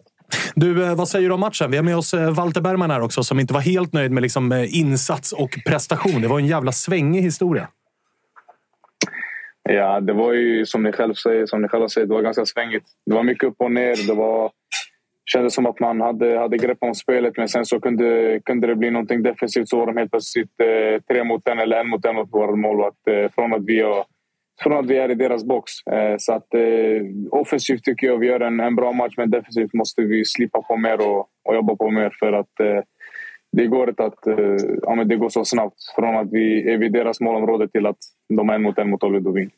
Vad, eh, liksom, hur mycket trycker Kim och, och, gänget på eh, just det? Och de, hur mycket har ni jobbat med defensiven under försäsongen? För den känslan man har fått kring Kim och det snacket så runt Kim är ju ofta att det är stort fokus på, på offensiven. Och vi, vi har pratat om hur duktiga ni är på att få igång målskyttar och att så här, det offensiva spelet ofta ser väldigt synkat ut och att Bayern kommer göra mycket mål. Det tror väl de flesta, men inledningen här de två första matcherna har också sett ganska så svängigt ut bakåt. Så, så hur, hur mycket prio har det varit offensiv kontra defensiv här under första delen av året? Alltså, självklart att man har hört mycket om Kim att han gillar offensiva spelet och han gillar att jobba med anfallare och sånt, eh, vilket stämmer också. Men vi har jobbat på det defensiva eh, lika mycket och eh, det är en grej som jag sagt till många. Eh Eh, att, att sådana saker tar tid. Man får inte glömma att han har precis kommit in och vi har knappt eh, vi har inte haft våra... Han har varit där i två månader. Vi har inte hunnit, hunnit komma igång med spelet ordentligt. Och allt, allt sånt där tar tid. Det är ett nytt spelsätt eh, som, som vi alla måste anpassa oss till. Så att det, blir, ibland kanske det, det, det kanske ganska enkelt att, att tappa fokus och tänka mer på det offensiva. Just för att vårt spel är ganska offensivt. Sen så kanske det blir så att man glömmer det defensiva lite då och då. Men eh, det är något vi jobbar på och eh, det kommer. Det är bara att ha tålamod. Eh, nu har ju Kurtulus varit borta med skada, men utöver det har ju Adjei försvunnit också. Det har ju inte ersatts eh, där, utan på insidan så har det ju varit eh, Oskar Johansson och inte, inte så mycket mer utöver det. Någon som flyttas upp från egna led och lite sådär. Hur ser du som, som spelare i laget? Hur mycket tänker man på ja, men, ska vi inte värva någon till? Eller hur är truppbygget nu? Så att, tänker man på något sånt själv eller försöker man fokusera på sin, sin egen grej? Liksom? Alltså, jag skulle nog inte säga att jag, jag tänker på det. Eh, jag har massa annat att tänka på eh, än att tänka på vilka vi ska värva och sånt. Eh, det är inte min uppgift. Eh, det, det, är mycket och Kim och deras uppgift, ledarna. Eh, min, min uppgift är bara att eh, träna hårt som fan och göra det bra vecka in vecka ut för att kunna vinna så många matcher som möjligt eh, med hjälp av laget. Så att, eh, det är inget eh, stort fokus jag lägger på det utan jag lägger samma svar där. Det handlar om tålamod och bara lita på de spelarna vi har. För vi är en, en jävligt bra trupp. På tal om tålamod, Josef, du fick, ju, du fick en del kritik här i början innan den här matchen, eller de här tidiga matcherna. Att det är liksom den Rabi som Hammarby-supporterna är vana vid att se i termer av effektivitet och målskytte och straffområdes... Liksom, Fox in the box, om man ska kalla det det. Att det var, det var lite som, som du letade efter och det kom inte fram riktigt. Var du beredd på att det skulle komma kritik på det sättet som det gjorde? Och hur hanterar du liksom, skriverierna eller kommentarerna i största allmänhet? Ja, självklart. Eh, det, det är alltid så. Eh, det, som fotbollsspelare i vilken klubb som helst så, så vet man att eh, det vänder väldigt snabbt. Alltså gör man en bra match så, så hyllar alla en och gör man en mindre dålig match så, så blir alla arga. Och det är mycket emotionellt, det är mycket känslor, eh, vilket jag köper. Eh, det är folk som dör för den här klubben och är uppväxta med den här klubben. Så att, eh, jag köper det 100 procent och jag var redan redo på det. Så att, och jag visste ju själv att sånt här, sånt här tar tid. Eh, det är, en, det är en grej som jag inte spelat match på på flera månader. Eh, jag kommer tillbaka till tävlingsmatcher. Jag har inte gjort det sen, sen förra året, oktober, när jag skadade mig. Så att, eh, jag vet att sånt där tar tid. Och eh, ju mer jag får spela, ju mer jag får chansen så vet jag att det där kommer komma. Eh, så att det där var inga konstigheter så, utan det var bara att eh, ja, jag, jag tog det bara. Jag var redo på det. Så att det påverkat mig på något sätt. Ja, men jag tänker för att du ändå som är Hammarby på alla sätt. Och det är din klubb och nytt kontrakt och stanna kvar och det var lockelse från utlandet. och så där. Är det lättare och svårare att hantera om man är en produkt av klubben än om man kommer utifrån? Alltså, det där tror jag mer att det, det beror på från person till person. Eh, beror på hur man, hur man är som person, hur, hur stark mentalt man är, hur, hur, hur, hur, hur påverkad man blir av såna, såna yttre faktorer. Eh, vilket jag inte, inte blir. Eh, så att eh, jag fick ta det bara. Jag fick bara acceptera det. För mig var det inga konstigheter. Eh, jag, jag är redo för sånt där och det är inga konstigheter. Jag har varit med om det tidigare så att eh, för mig var det bara att koppla om och göra en bra träningsvecka och fokusera på nästa match, vilket jag gjorde också. Mm. Hur, skönt är, eh, alltså hur skönt var det efter matchen mot GIF Sundsvall när du ändå, alltså, som vi är inne på lite grann, att matchen mot Västerås, det blir, det blir noll poäng där. Eh, du blir utbytt i den matchen. Jag gissar att det var ett planerat byte, eller jag vet inte, men det kändes nästan så utifrån. Nu får du göra två mål igen. Att så direkt studsa tillbaka ifrån någonting negativt till någonting positivt. Både för lagets del, men också för din egen del. Hur skön känsla är det att hitta tillbaka så snabbt ändå? Nej, men det var otroligt skönt. Och eh, som jag sa, det, det är en tidsfråga bara. Det, det handlar om tålamod och att, eh, att eh, gnugga. Eh, dag in, dag ut. Och att, att vi får ta första tre poängen för året och i en sån viktig match också. så att för mig var det jätte, jätteskönt. både för att ta tre poäng, för att kunna göra poäng och att vi vinner matchen och tar tre poäng. Och att vi gör, lyckas göra tre mål som ja, men, blir en bra fördel till oss till, inför nästa vecka. Eh, Josef eh, Walter, jag tänkte höra hur, eh, hur är status i, i truppen? Med, det har ju talats mycket om den ökade träningsmängden och inför den här matchen så var det ju tre spelare som, som var borta och då beskrevs som en klubb på grund av avlastning. Känner ni er nedtränad nu eller hur tycker du att den fysiska statusen är på, på truppen? Nej, jag tycker det här är skitbra att man tränar så här mycket. För eh, såklart att det kommer vara lite, lite ovant och lite annorlunda för kroppen första veckorna eh, eller månaderna. För, för vi, är inte vana, vi är inte vana vid att träna så hårt och så här mycket. Men eh, så fort det här sitter så kommer det vara hur bra som helst. Att vara så bra tränad och kunna träna så hårt som vi gör och spela match varje vecka. Det, det, det är bara bättre för oss själva. Så att vi spelare kan inte göra mer än att bara alltså, acceptera läget och köra. Och hur tycker du läget är nu i truppen? Känns ni nedtränade eller liksom, är ni i fysisk toppform? Eller hur skulle du säga? Nej, nej alltså jag tycker det ser väldigt bra ut på tränarna. Eh, alla är, deltar i varje träning. Eh, det, riktigt bra tempo eh, på träningarna, riktigt bra intensitet och alla trycker på riktigt bra. Så att, för mig är det inga konstigheter där. Jag tycker att vi, vi anpassar oss rätt så bra och vi är väldigt bra på träningen. Du, eh, du som var med även under Marti och växte fram till en eh, centralfigur. Hur stor skillnad är det på att träna under Marti kontra nu hur det har varit under Kim? Alltså, den största skillnaden är väl att det, det är mycket, mycket mer träna fotboll med Kim. Eh, oavsett om det är dubbelpass eller inte eh, så är det bara så är det alltid fotboll. Eh, gym, gympassen kommer lite mer som, som, som ett bonuspass. Eh, Um, så att, det, det är nog den största skillnaden, att det, att det är mycket, mycket mer fotboll än vad det var förra året. Uh, och det är, det är helt enkelt så, så som han vill jobba och alla är olika där. Så att vi klagar inte. Vi spelar fotboll och det är klart att man vill träna fotboll så mycket man bara kan. Såklart. Jag har varit lite jätteförvånad över att du ser gympassen som bonuspass. Är bonus bara. Det är bonus. Men du, hur, klar, hur, hur, liksom, hur, hur, långt tycker du att ni har... Alltså hur långt har ni kvar innan ni känner att ni har lärt er hur Kim vill att ni ska spela fullt ut? För i de här inledande två kuppmatcherna så känner man ju utifrån att så här, oj, Bayern har lite kvar att göra. För som vi varit inne på mot GIF Sundsvall så var det väldigt svängigt. De har en straff och de, har, liksom, de är i eran box ganska många gånger och det är väl lite bristande avslut som gör att det, det kändes som en match som hade kunnat sluta lite jävla hur som helst. Och man kände att de har lite mm. kvar att jobba på. Hur känner ni inom truppen och, och vad säger Kim till er? Att, är ni långt ifrån där ni vill vara rent taktiskt eller börjar det sätta sig? Alltså, sånt där är jättesvårt för mig att svara på. Eh, för den grej som vi jobbar på dag in dag ut varje dag på tränings eh, varje vecka så försöker vi jobba på det så att det ska sitta så bra som möjligt inför, inför varje match. Så att, eh, för mig är det återigen en tidsfråga bara. Eh, och ha det där tålamodet. För jag minns förra året hur det var med Marti också. Det satt inte första träningarna, första månaden, andra månaden. Utan det tog sin tid. Det var mycket kritik då också minns jag att det var mycket att ja, vi tappade mycket boll där i vår egen planhalva för att vi ville spela så mycket boll. Och, det var mycket sånt, men i slutet av dagen så satt det. Eh, med lite tålamod, med lite tid så, så blev det hur bra som helst. Eh, så att, eh, det där är svårt att svara på när det kommer lossna eller när det kommer bli bättre och allt kommer bli perfekt. Utan det är bara att eh, jobba hårt och sen så kommer det komma med tiden. Du, en fråga som jag alltid velat eh, ställa i ett sånt här läge när det handlar om eh, utslagsmatcher i en kupp där vi från sidan vi sitter och tänker att ah, men det är klart att laget har koll på hur det går i andra matcher och alla de bitarna. Vi, vi, vi har ju ett läge i er grupp där det kan vara tre lag på sex poäng. Men där det kommer vara målskillnad och grejer som kanske avgör. Har man koll på det som spelare? Att så här, leder ni med 1-0 mot Mjällby? Har man koll på om Västerås leder de med 4-0 mot Giffarna? Då kanske ni måste göra ett till. Och du vet. Har, har man koll på de grejerna?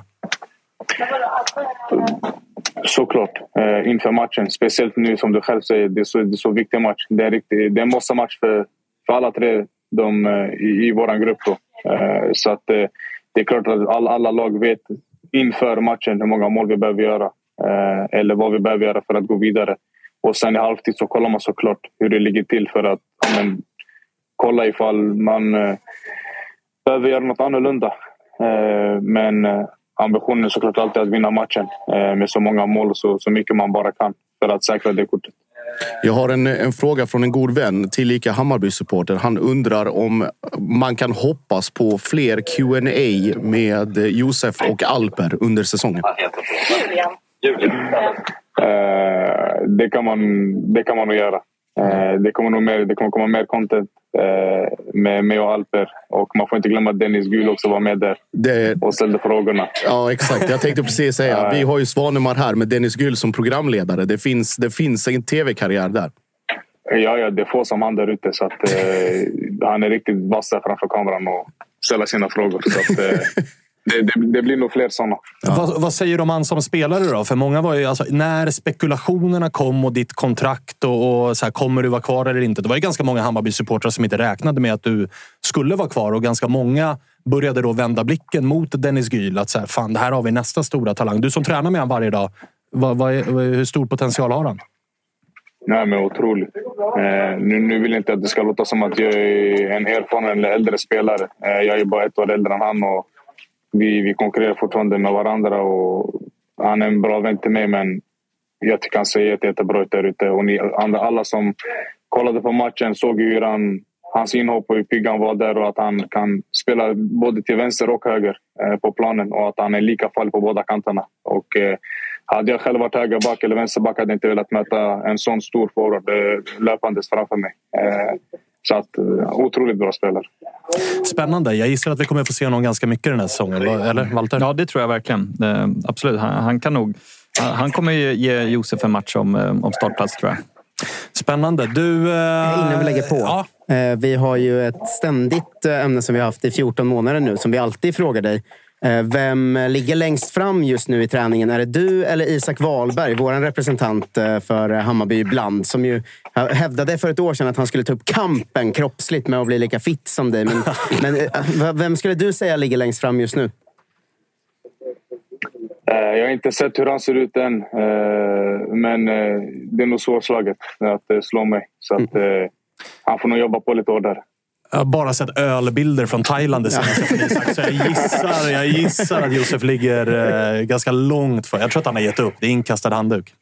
Eh, men du Josef, eh, stort tack för att vi fick ringa och lycka till här i sista matchen mot Mjällby. Tack så mycket. Tack själva. Ta hand om dig. Ta hand om dig. Cool fact a crocodile can't stick out its tongue. Also, you can get health insurance for a month or just under a year in some states. United Healthcare short term insurance plans, underwritten by Golden Rule Insurance Company, offer flexible, budget friendly coverage for you. Learn more at uh1.com. There's never been a faster or easier way to start your weight loss journey than with PlushCare.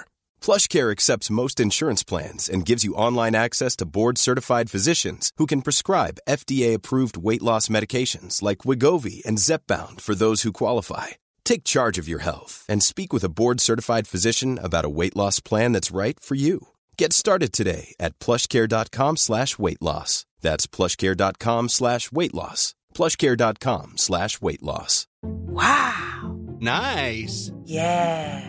What you're hearing are the sounds of people everywhere putting on Bombas socks, underwear, and t-shirts made from absurdly soft materials that feel like plush clouds. Yeah, that plush. And the best part? For every item you purchase, Bombas donates another to someone facing homelessness. Bombas, big comfort for everyone. Go to bombas.com slash ACAST and use code ACAST for 20% off your first purchase. That's bombas.com slash ACAST, code ACAST.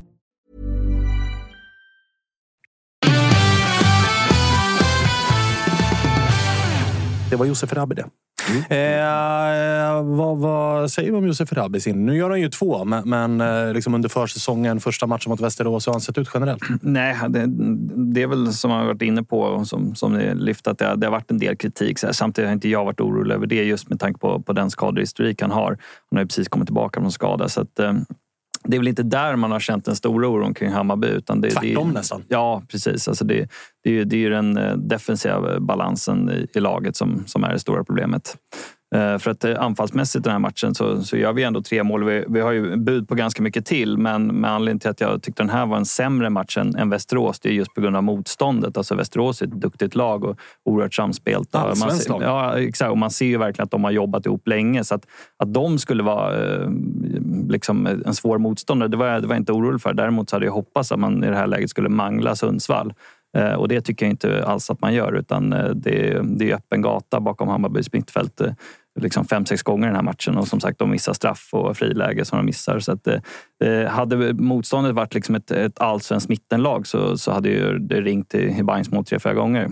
Och det kändes ju som på slutsignal att det var ingen liksom såja gubbar. Nej, nej, utan det var mer en sån här vad, vad bevittnade vi nyss? Ja, vad var det här för match? Ja, nej, det är ju väldigt ovanligt på så vis att det är trots allt en seger. Så, så och 3-1. Ja, alltså exakt. Det... Så, så är folk så pass besvikna. Sen var ju också mycket snack inför matchen var ju att eh, målskillnad kommer bli en viktig sak. Och det stod ju trots allt bara 2-1 eh, till, ända till tilläggstid och då upplevde ju jag många på läktaren var ju frustrerade över så här, vad fan är, är forceringen? Vi måste göra fler mål. Det här räcker inte för att eh, Mjällby är ett jättebra lag och, och att eh, slå dem med, med, två bollar hemma, det, det är jag inte alls övertygad om vi gör. Nu räcker det med ett mål, nu räcker det att vinna över Mjällby, eh, förutsatt vad Västerås gör. Men, eh, så det här sista målet var ju väldigt viktigt, men jag är, jag är orolig för, för hur, hur det kommer gå för Bayern den här säsongen. Den här defensiva balansen eh, finns ju en spelare som också påverkade det offensiva ganska mycket i Mohanad Yas eh, som har varit i Hammarby förut och nu ryktas vara ganska aktuell. Jag har sett många som ska riva sina årskort eh, att vägra, men hur, hur ser du på Framförallt, Yes? framförallt så såg man ju gubben som alltså konstaterar att om det blir Haas så ska jag gå i marschen i Speedos. Mm. Men hur ser du Ja, på nej. Yes-situationen? Nej, jag säger nej tack till Haas. eh, Men eh, samtidigt, jag kommer inte vara den supporten som, som välter klubbhuset för det fall att det blir så. Eh, Men jag tycker ju att eh, av alla liksom, vänsterbackar och spelare finns på att välja i världen så varför må- måste man välja just honom. Samt, sam- samtidigt, för, ju- just för den, den, liksom, eh, den oro det kommer bli kring Bayern i supportled. Men, men sen är jag ganska övertygad om att det, skulle det väl bli så så kommer det vara upprörd stämning ett tag. Men, men, men som sagt, Årsta kommer stå kvar. Det kommer inte vara avgångskrav på, på Micke Hjelmberg. Den statusen har han ändå. Så att, skulle det bli så så tror jag att eh, folk kommer acceptera det. För det var ju precis samma snack när han trä, träningsvägrade. Man sa att han är absolut inte välkommen. Han vill aldrig se en i Bayern-tröja igen. Sen så kom han in, han blev utbuad och, och sen så var det där lite glömt. Sen har det hänt saker efter det också eh, som naturligtvis påverkar det här beslutet. Eh, så att jag hoppas verkligen Bayern avstår. Men eh, skulle det bli så så, så tror jag att eh, eh det det, det, kommer nog ändå accepteras till slut och förutsatt att han presterar på plan. Men, men det är ju också med tanke på hans skadehistorik och så, här, så framstår det som en ganska konstig värvning. Ja, jag tänkte säga det. Det här var ju lite det vi pratade om med Gurra tror jag. Efter att von Heine och gänget hade haft sin stora dragning om eh, vision och strategi och så här ska vi jobba på Södra Teatern och allting låter alltid så bra på papper. Men sen så ska det ju prövas i verkligheten. Och då, det här blir egentligen den första riktiga prövningen att ska vi värva en 27-åring som bröt benet i somras på ett korttidslån? Det går liksom inte riktigt hand i hand med hur man bör jobba egentligen. Och jag gissar att Bayern egentligen inte vill låna in 27-åringar på korttidskontrakt som inte har spelat fotboll på över ett halvår som nyss bröt benet. Nej, nej jag tror den, den stora, den stora eh, frågan där är just skadehistoriken. För att, som sagt, jag intervjuade von Heine igår och ställde just frågan kring det. Hur Bayern ser på, ser på lån sett till strategin. Och det finns ju ingenting som hindrar det. Eh, däremot, vi kommer aldrig låna in en ung spelare eh, med största sannolikhet. eh, utan- Utveckla åt någon annan. Nej, exakt, men däremot att låna in en spelare som presterar här och nu ska vara en av de här nyckelspelarna. Det, det finns ingenting i strategin som hindrar det. Men, men däremot ska vi inte ha skadade spelare. Så det, det, det motsäger ju eh, eh, det här ryktet. Men eh, ja, vi får se. Eh, Det, det kommer ju storma för det fall det blir så, men jag tror att stormen kommer lägga sig om han gör bra prestationer. Jag tyckte att uh, Hjelmberg gjorde någon intervju idag där han, eh, om det var med Fotbollskanalen kanske, men där jag tyckte att han öppnade jazzdörren lite faktiskt. För att, för att han svarade först att nej, han är inte aktuell just nu för vi har så många bra vänsterbackar. Så där. Det, det är standardsvar innan något är klart. Så säger ju alla sportchefer. Eh, men sen tyckte jag att han, eh, han la till ganska mycket om att det som hände med Mohanad är utagerat och han har bett om ursäkt. och, eh, vi har inga problem med varandra längre och jag har bra kontakt med honom. och så här det kändes som man, det man kunde läsa ur, man har läst tusen sådana där intervjuer med sportchefer och det man kunde läsa ut var att han absolut gläntade upp den dörren tyckte jag lite genom den intervjun. Att försöka förtydliga att nej, nej, nej, det är inga problem mellan, Mohanad och Hammarby och det är utagerat. Alltså, det behöver han inte säga om det faktiskt inte är så att han vill hålla den dörren lite halvöppen, tycker inte jag. Nej, och nu, nu handlar det ju väldigt mycket om att tolka sportchefer och vad de säger på rätt sätt. För att där, där ser jag en del aik också som är så här. Aha, Mohannads agent använde bara AIK som lockbete. Vi var egentligen aldrig sugna. Berntsen har ju bekräftat utåt att det var en spelare vi tittade på.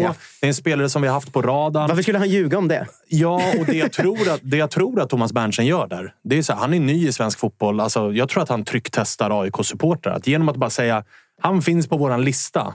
Det räcker ju för att han ska se reaktionerna. Och när han sen ser reaktionerna vartåt pendeln då svänger så ser han att okej, vänta nu. Det här var...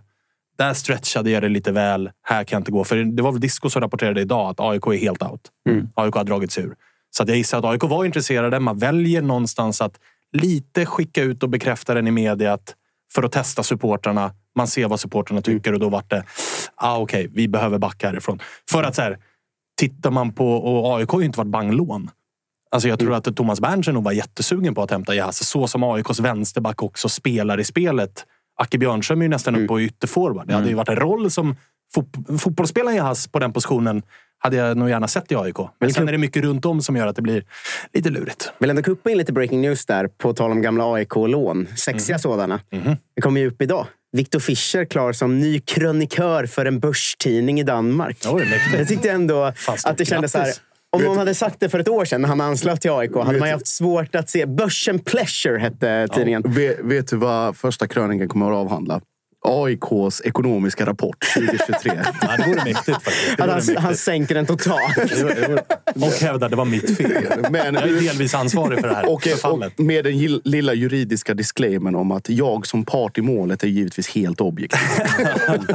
men du, eh, Walter, du ser du på två grejer som jag vill ta med dig. Att, så här, jag har ju varit eh, ja, men relativt... Jag har flaggat för att jag tycker att Bayern behöver värva en till mittback. Eh, det, mm. se, sett till liksom grundkvalitet och garanti så tycker jag att det egentligen bara är fängelse som erbjuder dig. Och jag tycker att det är än så länge är Kurtulus ett lite för stort frågetecken. Att så här, kommer han tillbaka? I vilket skick kommer han tillbaka? Och man kanske ska se hur det har... Alltså historiken av den här typen av skador. Så kommer du tillbaka så är det sällan du är tillbaks och sen spelar du 30 matcher. Mm. Utan det brukar ofta vara en match och sen så kommer det något bakslag och så missar man en till. Och så och jag tycker att bakom så är det inte tillräckligt bra. Och, och någonstans så, de här matcherna mot Giffarna och Västerås tycker jag inte heller har gett en trygghet i att nej, men vi har det bra där. Och fråga nummer två, Nahir Besaras roll på planen. Mm. Där han ju är, inleder nästan som en sexa och man känner att vad fan ska du hålla på där för? Och sen så fort han flyttas upp lite grann så, ah, och så är det mål och så är det assist och så är det show igen. Liksom. Ja. Vad, vad, känner du kring de frågorna? Ja, när vad det gäller mittbacken så, så känner väl inte jag att det, det är där man, man bör lägga pengarna. För att jag, jag tycker, mm, som sagt, vi vet ju inte vad, vad status är på Kurtlus, men eh, har vi Kurtlus, Fänger eh, och eh, nu även Vagic som har varit bra på försäsongen. Det, det, liksom, det, det är rätt otroligt att man inför den här matchen mot Sundsvall bara, fan vi, vi saknar Vagic. Eh, att det, det är liksom ett avbräck. Men, men, men så har det faktiskt blivit. Jag tycker han har gjort det bra som, som mittback och nu är det uttalat att det är mittback han ska vara. Han ska inte vara det han värvades för. Eh, så att, eh, och sen så har vi Kingsley bakom där. Eh, och även Marcus Karlsson spelar mittback i den här matchen. Han har gjort det mycket i HTFF. Eh, han är väl mittback i grunden. Strand kan väl spela där på nåder också. Så, här, så det, jag... Men är det liksom tillräckligt bra?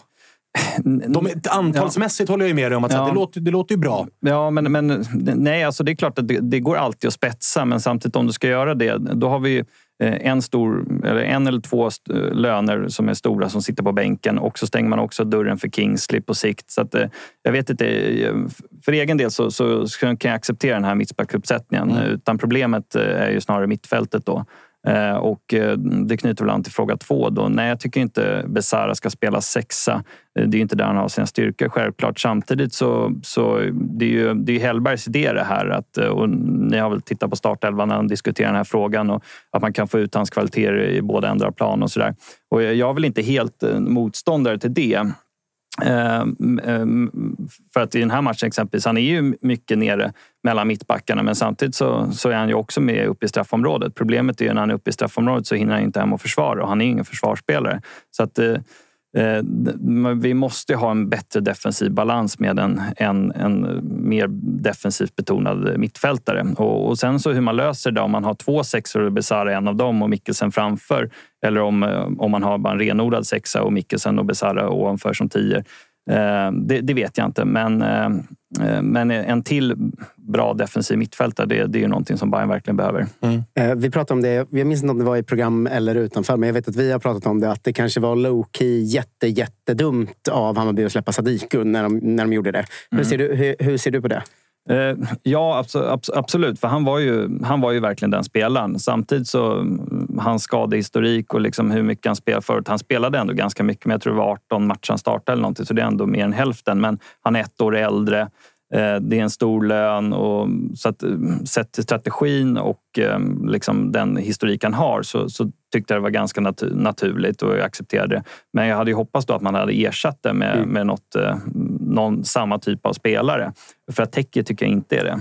För jag tror att Kim inte är så nöjd med att man släpps. Nej, för om man tittar på startelvan mm. också pratar Kim om att Sadiq också gå, skulle gå och användas som mittback och allt det här. Liksom. Exakt. Och jag ja. undrar om... Eh, jag, jag tyckte man kunde utläsa lite när vi pratade med Kim om att tappet av Sadiq att han inte var så liksom nöjd med det. Nej, liksom. han, har, han har ju lovprisat honom och snackat om i något sammanhang vad han gör på träning. Alltså, fan, det där har jag aldrig sett. Alltså, han är så jävla smart och bra. Och så, här, så att, nej, det var nog jättetapp för honom. Och samma sak med Adjei. Han var ju väldigt förtjust i Adjei som mittback. Och det har väl Kim varit öppen med.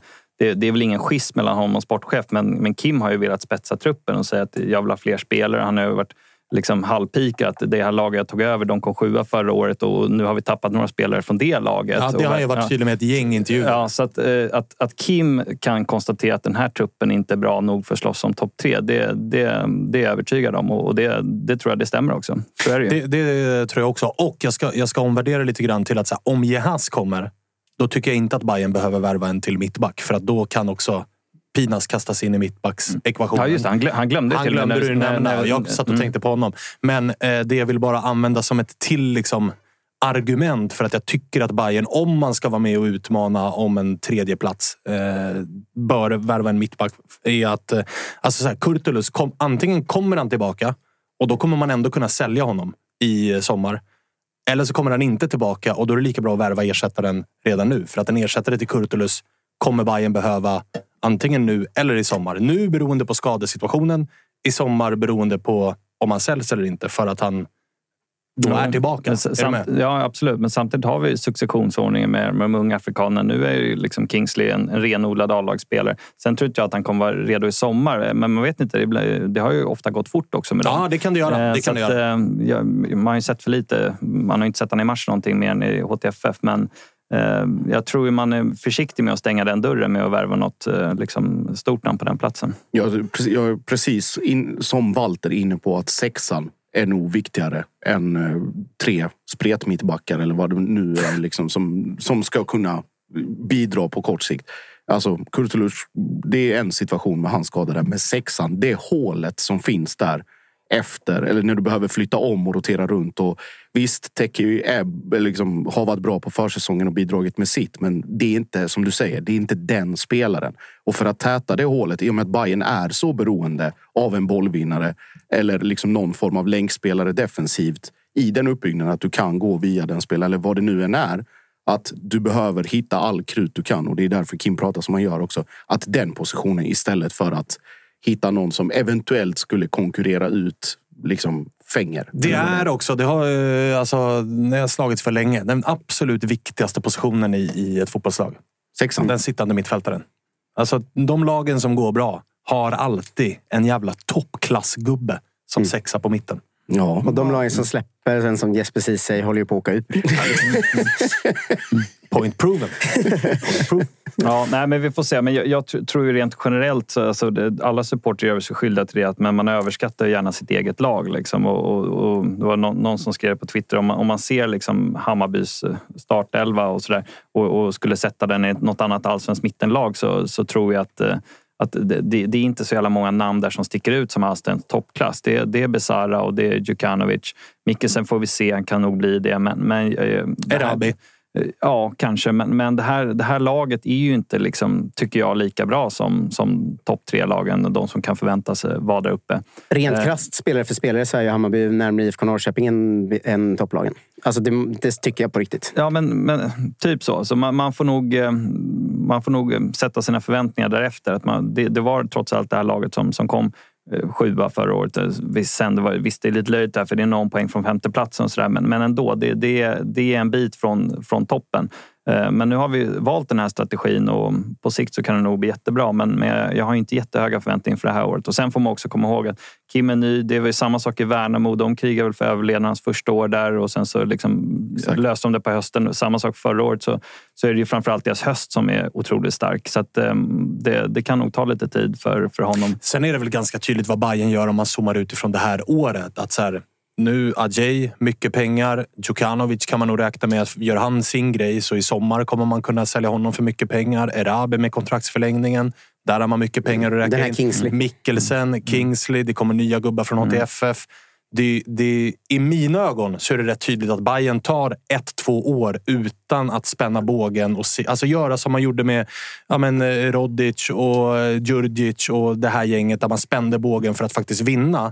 Nu är det som att man backar, men man backar för att ta sats mot att bygga en ganska bra kassa för att sen åka igen. Liksom. Att det, är lite det man gör. Precis. Bayern kan ju budgetera med vadå, 150 miljoner i transferintäkter kommande året.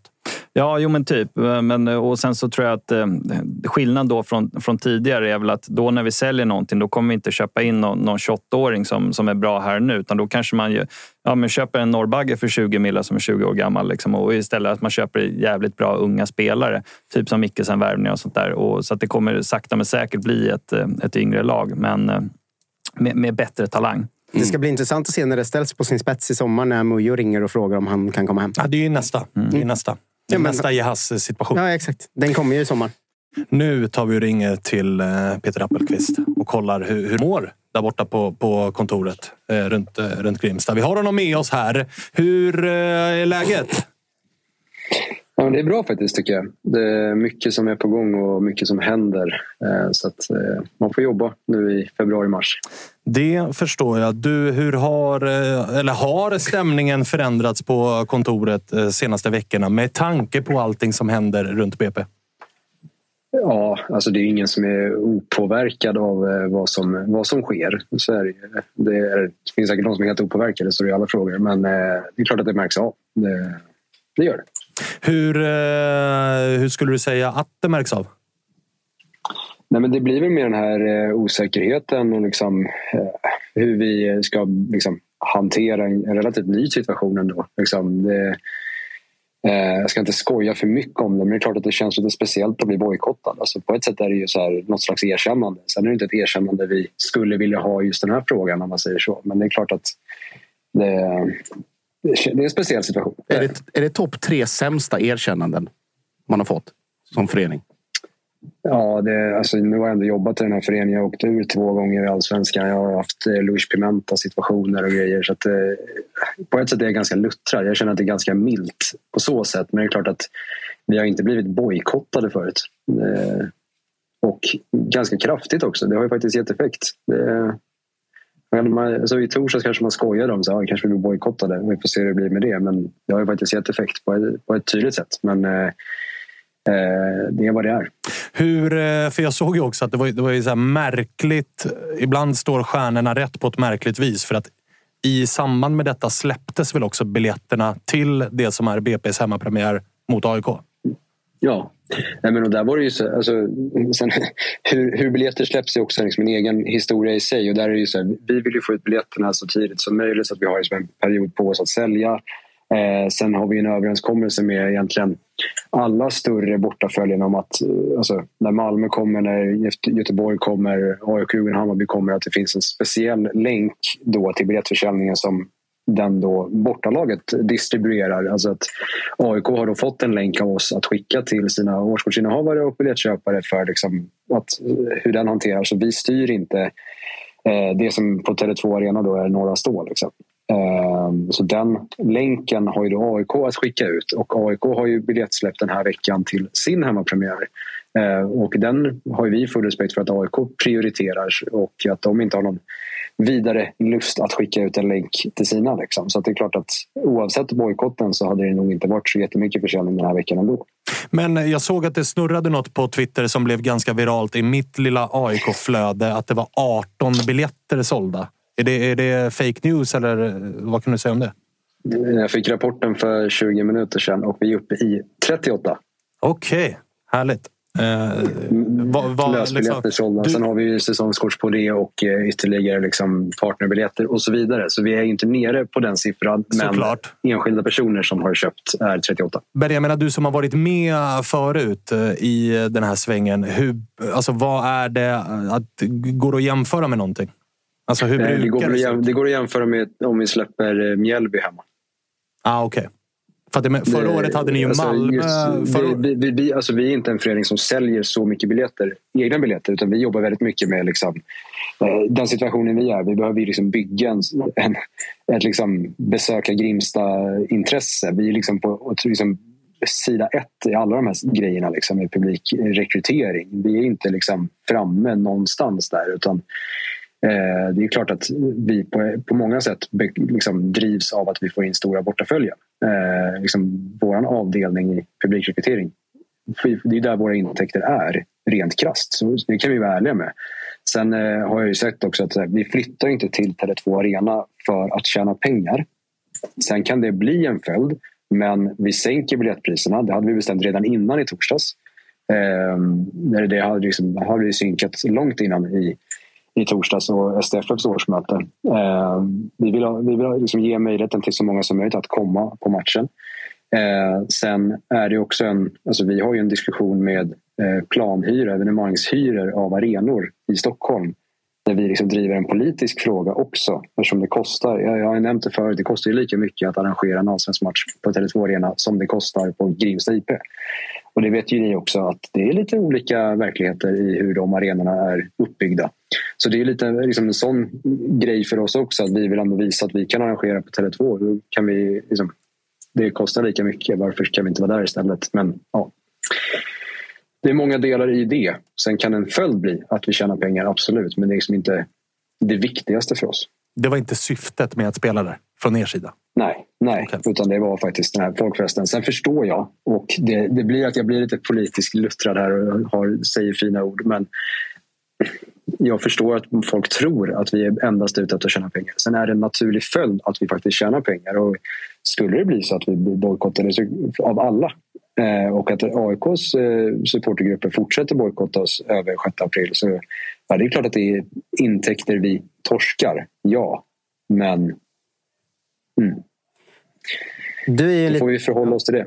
Sorry, du är i en lite speciell situation som eh, liksom, jobbar för klubben och allt det där och är ju supporter i, i grunden. Liksom. Mm. Vad gör det med... Du säger att du är luttrad för just den här typen av situationer, men det handlar ju mer om i ditt jobb. Tänker jag. Vad, vad gör det med dig att eh, BP på en vecka har fått en stämpel där hela supporter-Sverige i princip eh, skriker om att BP är supporterfientliga och, och, och så vidare. Liksom. Vad, vad gör det med dig att den tonen finns nu? Liksom? Det, det är lite speciellt. Alltså min roll är ju speciell som du säger. Jag, jag är ju anställd av eh, en klubbdirektör som är anställd av en styrelse som är tillsatt av medlemmar. För mig är det så här, det enda jag kan agera på är vad medlemmarna bestämmer på årsmöten. Jag lyssnade igår, igår kväll var jag ute eh, Eh, tog en lugn stund för mig själv, eller på att säga. Eh, gick iväg ut och så lyssnade jag på ert snack från i fredags och håller med er i väldigt mycket. Liksom, eh, hur ni beskriver dels situationen i BP, hur vi fungerar. Eh, Agges liksom, beskrivning av att så här, vår förening fungerar inte som AIK Djurgården Hammarby, inte som Malmö, inte som IFK Göteborg, inte som Gais. Vi har väldigt, väldigt få eh, stödmedlemmar. Alltså medlemmar som är med för att stötta föreningen för att de är supportrar eller har ett liksom, annat eh, eh, liksom, engagemang i föreningslivet. Vi, vår, våra medlemmar är till 80 procent under 16, alltså under rösträttsåldern. Eh, vi har, vi har liksom 829 röstberättigade på vårt årsmöte som kommer. liksom, jag var ju med och drev igenom att vi skulle sänka rösträttsåldern till 16 för att få in lite fler liksom, röstberättigade få ett större engagemang. Sen hade jag hoppats att det var andra frågor som skapar engagemang än att vad enskilda styrelseledamöter säger eh, på, i andra forum. Eh, men vi hade ju eh, liksom en liknande situation för några år sedan när eh, det kom förslag om att vi skulle byta namn på föreningen. Då hade vi också det här, vi gick från 33 eh, röstberättigade på ett årsmöte till 200. Eh, och det var liksom liv i luckan och det var liksom med, då var det ju som medlemsdemokrati. Alltså, och då var det också så att då satt inte Ola Danard i styrelsen utan då var han den medlemmen som drev frågan som medlem att motar, motarbeta eh, namnbytet. Så att, alltså, han är helt med på det där. Att det är medlemmarna som bestämmer. Sen var det ju otroligt klumpiga uttalanden. Jag har inga behov av att försvara hans uttalanden från i torsdags. Utan det, eller i fredags för den delen. Utan det är, eh, det är vad det är. Och, eh, vad det gör med mig som supporter är som sagt, eh, jag agerar utifrån vad föreningen bestämmer sig för att göra. Sen behöver jag inte alltid hålla med. Men eh, jag har också, det blir svårt för mig att säga någonting jag, jag blev sparkad från den här föreningen förr för att jag uttryckte mina åsikter, så jag behöver inte göra det igen. Nej, det förstår jag. Men, men du, vi måste ändå ta upp, eh, för att nu har ju AIK, och ni möter ju AIK i er första hemmamatch för mm. säsongen och AIK-supportrar har ju valt att ganska kraftigt uh, utlysa bojkott. Och det är väl någonstans ändå favorit på att uh, många andra stora lag, du har nämnt de största som kommer på besök, det, det är väl favorit på att ganska många kommer ta efter. Hur stort slag hade det varit för Brommapojkarna om Djurgården, Bayern, Malmö, Blåvitt gör samma sak? om, jag, om jag skulle raljera så hade det räckt med att vi, vi säljer en Lukas Bergvall till så behöver vi inte tänka på det. Men det är klart att det är liksom en intäkt som vi ändå har budgeterat för. Eh, som ändå finns med i planeringen, som ändå kan bekosta kollegor. Eh, det kan bekosta eh, liksom, att vi stärker vår organisation för våra barn och unga.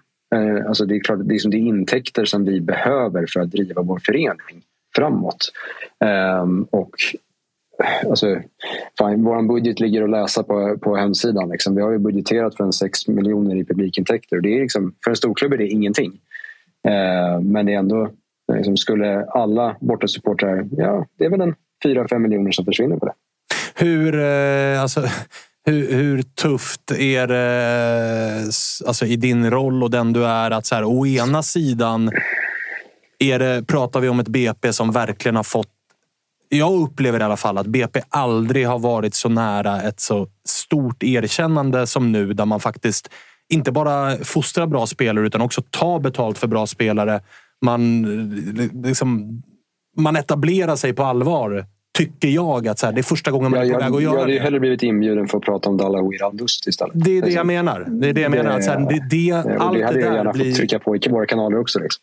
Och allt det där blir nästan sekundärt när de här grejerna... Alltså det blir så här, en ängel på ena axeln, en djävul på den andra. Hur surt är det att den där djävulen någonstans existerar just nu? Alltså hur bittert är det? Fan, jag är ju alltid bitter, på säga. Det kan du fråga mina kollegor. Jag går alltid runt och är bitter. uh, nej, men uh, det är ju... Vad fan ska man säga? Alltså, det, det, blir ju mer den här... Lite så här, som du säger, man blir lite bitter, man blir lite så här, suckande. Så här, men fan, nu var vi på gång. Som du säger, lite erkännande. Vi gör många bra saker och så blir det att vi får liksom, hantera någonting annat istället. Och det är klart att det liksom blir... Um, frustrerande på ett sätt men också så här, det, det, är lite vad det är. Alltså det var ju samma, alltså rent krasst var det ju samma situation 2018 när vi hade eh, Pimenta-händelserna. Liksom. Att det blir, då ska vi hantera det. Vi liksom ändå så här, spelar helt okej fotboll men det är någonting som gått fel och sen så briserar liksom en overklig bomb och sen åker vi ur på eh, sanslöst kval och grejer. Det var liksom så här, det, man, jag är lite luttrad så, jag, så här, på något sätt har jag väl liksom känslan av att det skulle kunna blåsa över samtidigt som jag har full respekt och förståelse för de som tycker att vi är eh, dumma i huvudet. Eh, och att så här, vi, vi borde ta tydligare ställning. Men det är, också, det är inte heller medlemsdemokrati. Alltså, vi, ingen medlem, det enda som, som Ola Danard sa ju det. Så här, Ingen medlem i vår förening har drivit frågan om VAR. Styrelsen har inte aktivt tagit något beslut. Nu på det här årsmötet, så här, det jag hade hoppats var att så här, vi hade kanske kunnat bara typ göra som Häcken. Så här, men vi har, inte, vi, har inget, vi har inget beslut i den här frågan. Vi lägger ner vår röst för vi ska inte yttra oss i den här frågan för vi har ingen åsikt i frågan. Det hade varit väldigt skönt att ha det så. Kan man väl säga. Ja, där, det hade också varit rätt att ha det så. Ja, precis. Det, ja, det, precis. det, var, det var väl någonstans eh, där skon klämde. Ja, nej, men det, är, det är det jag känner. Liksom så här, det, och det, det, är ju där vi är och jag tycker att Ola också säger det senare. Sen hade det, väl, det hade varit skönt att inte behöva liksom, ha människor som frontar det på, på ett årsmöte utan bara säga, säga att men vi, vi, vi, har inte fattat något beslut ännu. Vi vet om att vi kommer påverkas om det är så att det införs. Eh, vi vill gärna ha mer underlag för att kunna ta ställning till någonting eller ha liksom ett skarpt förslag att ta ställning till. Vi, för oss är, liksom, blir det inte så, så här, att motverka någonting som eventuellt skulle kunna komma känns fel just nu för oss. Men om det blir ett medlemsbeslut som vi ska förhålla oss till då kommer vi såklart förhålla oss till det. Ehm, och eh, det finns det inte idag. Um, hur eh, surt är det att vi inte pratar jättemycket om full pott i Svenska cupens gruppspel och, och stundande liksom eh, gruppfinal mot eh, Häcken borta och den gamla Häckenspelaren och då liksom stjärna i allsvenskan Daleo Irrandust klar. Det så, liksom så, jag, jag har mer respekt för att ni inte gör det. Alltså för det, handlar, liksom, det här är mer ett supporterdrivet forum jag har mindre förståelse för att de större mediehusen fortsätter liksom ignorera oss. Alltså det, här, jag ska inte hålla på och veva den här mediekritiken igen men det blir så här. Vi skickar ut pressmeddelande om att eh, Dalawi Randust har signat. Det har liksom varit mycket rykten om honom. Det tar liksom 45 minuter för liksom någon att liksom bara copy-pasta vår text och lägga ut den. Alltså, Aftonbladet hade, eller det var Expressen som inte, som inte hade lagt ut någonting när jag kollade igår kväll. Alltså, det blir så här, det är liksom en av allsvenskans bästa spelare för några år sedan. Bara, jaha, ska han Ska, är det bara för, har de också bojkottat nu? Också, alltså, att det blir som den känslan. Men det, det var ju så, så, så tragikomiskt. För i torsdags stod jag och skojade med Andreas Engelmark om att vi kanske skulle köra en silencio-stampa bara för att markera att ingen bryr sig. Och sen så blev det så här istället. Du kunde läsa om det på Toto-svenskans Instagram annars. Där var vi snabba upp med Daleo och Klar. Ja, ni, ni är duktiga. Ja, tack så mycket. Så fint jag, när man hör saknar på sig. Twitter, jag saknar det på Twitter och i stories bara, men jag ska inte vara så kritisk. Ah, okay. Det hade varit så fint. eh, Vi kör, vi kör inte Twitter förutom på egna avslöjanden. Så det, får Det är vi- sant. Men eh, det hade varit så fint att höra av sig till Peter om en månad och vara så här. "Ja, Hur är läget i BP då? Och så, vi har ju kört Silencio Stampa en månad. Och så, Jaha, okej. Ja, Ja, men för jag, alltså på ett sätt har det, ja, det varit ganska skönt. Så. Jag behöver inte skicka, skicka folk till intervjuer och bara säga att vi har locket på nu. Vi gör inga intervjuer. TV4 Play kör ändå inga intervjuer på de här matcherna eh, på vår nivå. Så att, Vet du, vet du vad Peter, innan vi, innan vi rundar av. Jag vill bara klargöra. Jag lider med dig som person, som medmänniska och som fellow supporter. Men som förening, fan vad ni ska ha det här. det här ska ni men, fan men, men, ha. där, men där känner jag också så här, på vilka, alltså, jag, jag ska inte grotta det här för mycket. Jag förstår, jag har full respekt för att man tycker att vi har gjort saker fel. Men att, liksom, hårt sagt, att kuppa vårt årsmöte, är det medlemsdemokrati? Alltså om man vänder på det på den sidan. Så här, jag, jag håller helt med som, som, som Tapper ändå. Så här, ja, men ni som har barn i föreningen som ändå kan, liksom, som är, kanske är medlemmar. Fan, gå på årsmötet, gör er röst hörd. Liksom, det, det håller jag med om. Det tycker jag är bra. Men att liksom, så här, hetsa in människor för att liksom, ta över föreningen. Alltså, fan, kom igen. Ah, nej, det, Det blir det, liksom- det, Alltså det blir så här, alltså det, för, jag, för jag älskar, alltså jag har suttit suttit och tittat avundsjukt på när Simon Strand drog igång liksom grejer med, med AIK för några år sedan när det kom massa människor på årsmötet och liksom drev igenom frågor och satte sig upp mot styrelser. Och liksom, hur jävla mäktigt det är att se att Hammarby har liksom 1500 på ett medlemsmöte. Jag, alltså jag som föreningsälskare och eh, liksom 51 procents nörd tycker ju att det är fantastiskt. Eh, dra ner gardinen för nu börjar försvinna i bild. Eh, alltså jag älskar ju det och jag är avundsjuk så inåt helvete. Alltså jag minns ju när jag själv var som 20 började gå på årsmöten här och sänkte medelåldern drastiskt för alla andra var 65 plus. Och så kommer jag in där och folk undrar om jag hade gått fel på en träning. Liksom. Men alltså, jag älskar ju föreningsdemokrati. Jag önskar att vi var fler som brann ännu hårdare för den här Ja, föreningen och- och, och- dök upp. Så det- eh, det håller jag nu med har jag tagit den, det brandtaget Ja, men det också. håller jag är med om. avundsjuk Och- jag tycker heller inte- jag Jag är avundsjuk på att det finns beslut. Jag är avundsjuk på att Hammarby kan ha 22 motioner som ibland kan tyckas pajiga. Men jag älskar det. Jag hade älskat att ha en motion till vårt årsmöte som behandlade sådana saker som ni andra gör. Jag skriver under på det och jag tycker också att det är såklart fel väg att gå att eh, kuppa andras årsmöte. Som jag ser, det där händer ju alltid när antingen man tycker att en klubb har gjort fel eller att en klubb är på väg Alltså det var ju snack om det för Häcken. När Häcken började gå bra, då skulle folk, IFK Göteborgs supportrar liksom kuppa deras årsmöten och lägga ner klubben.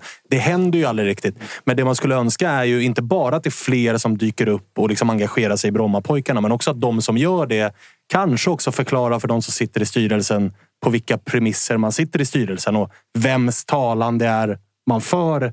Om man är där för sin egen skull eller för medlemmars skull eller för andra styrelsers skull eller ordförandens skull. För det var ju den poletten många reagerade på. att så här, Den verkar inte riktigt trillat ner. Nej, och, och, där, och där kan jag förstå. Alltså jag, jag lyfte också på ögonbrynen internt när jag liksom fick reda på att vi skulle nominera Fredrik Reinfeldt till ordförande.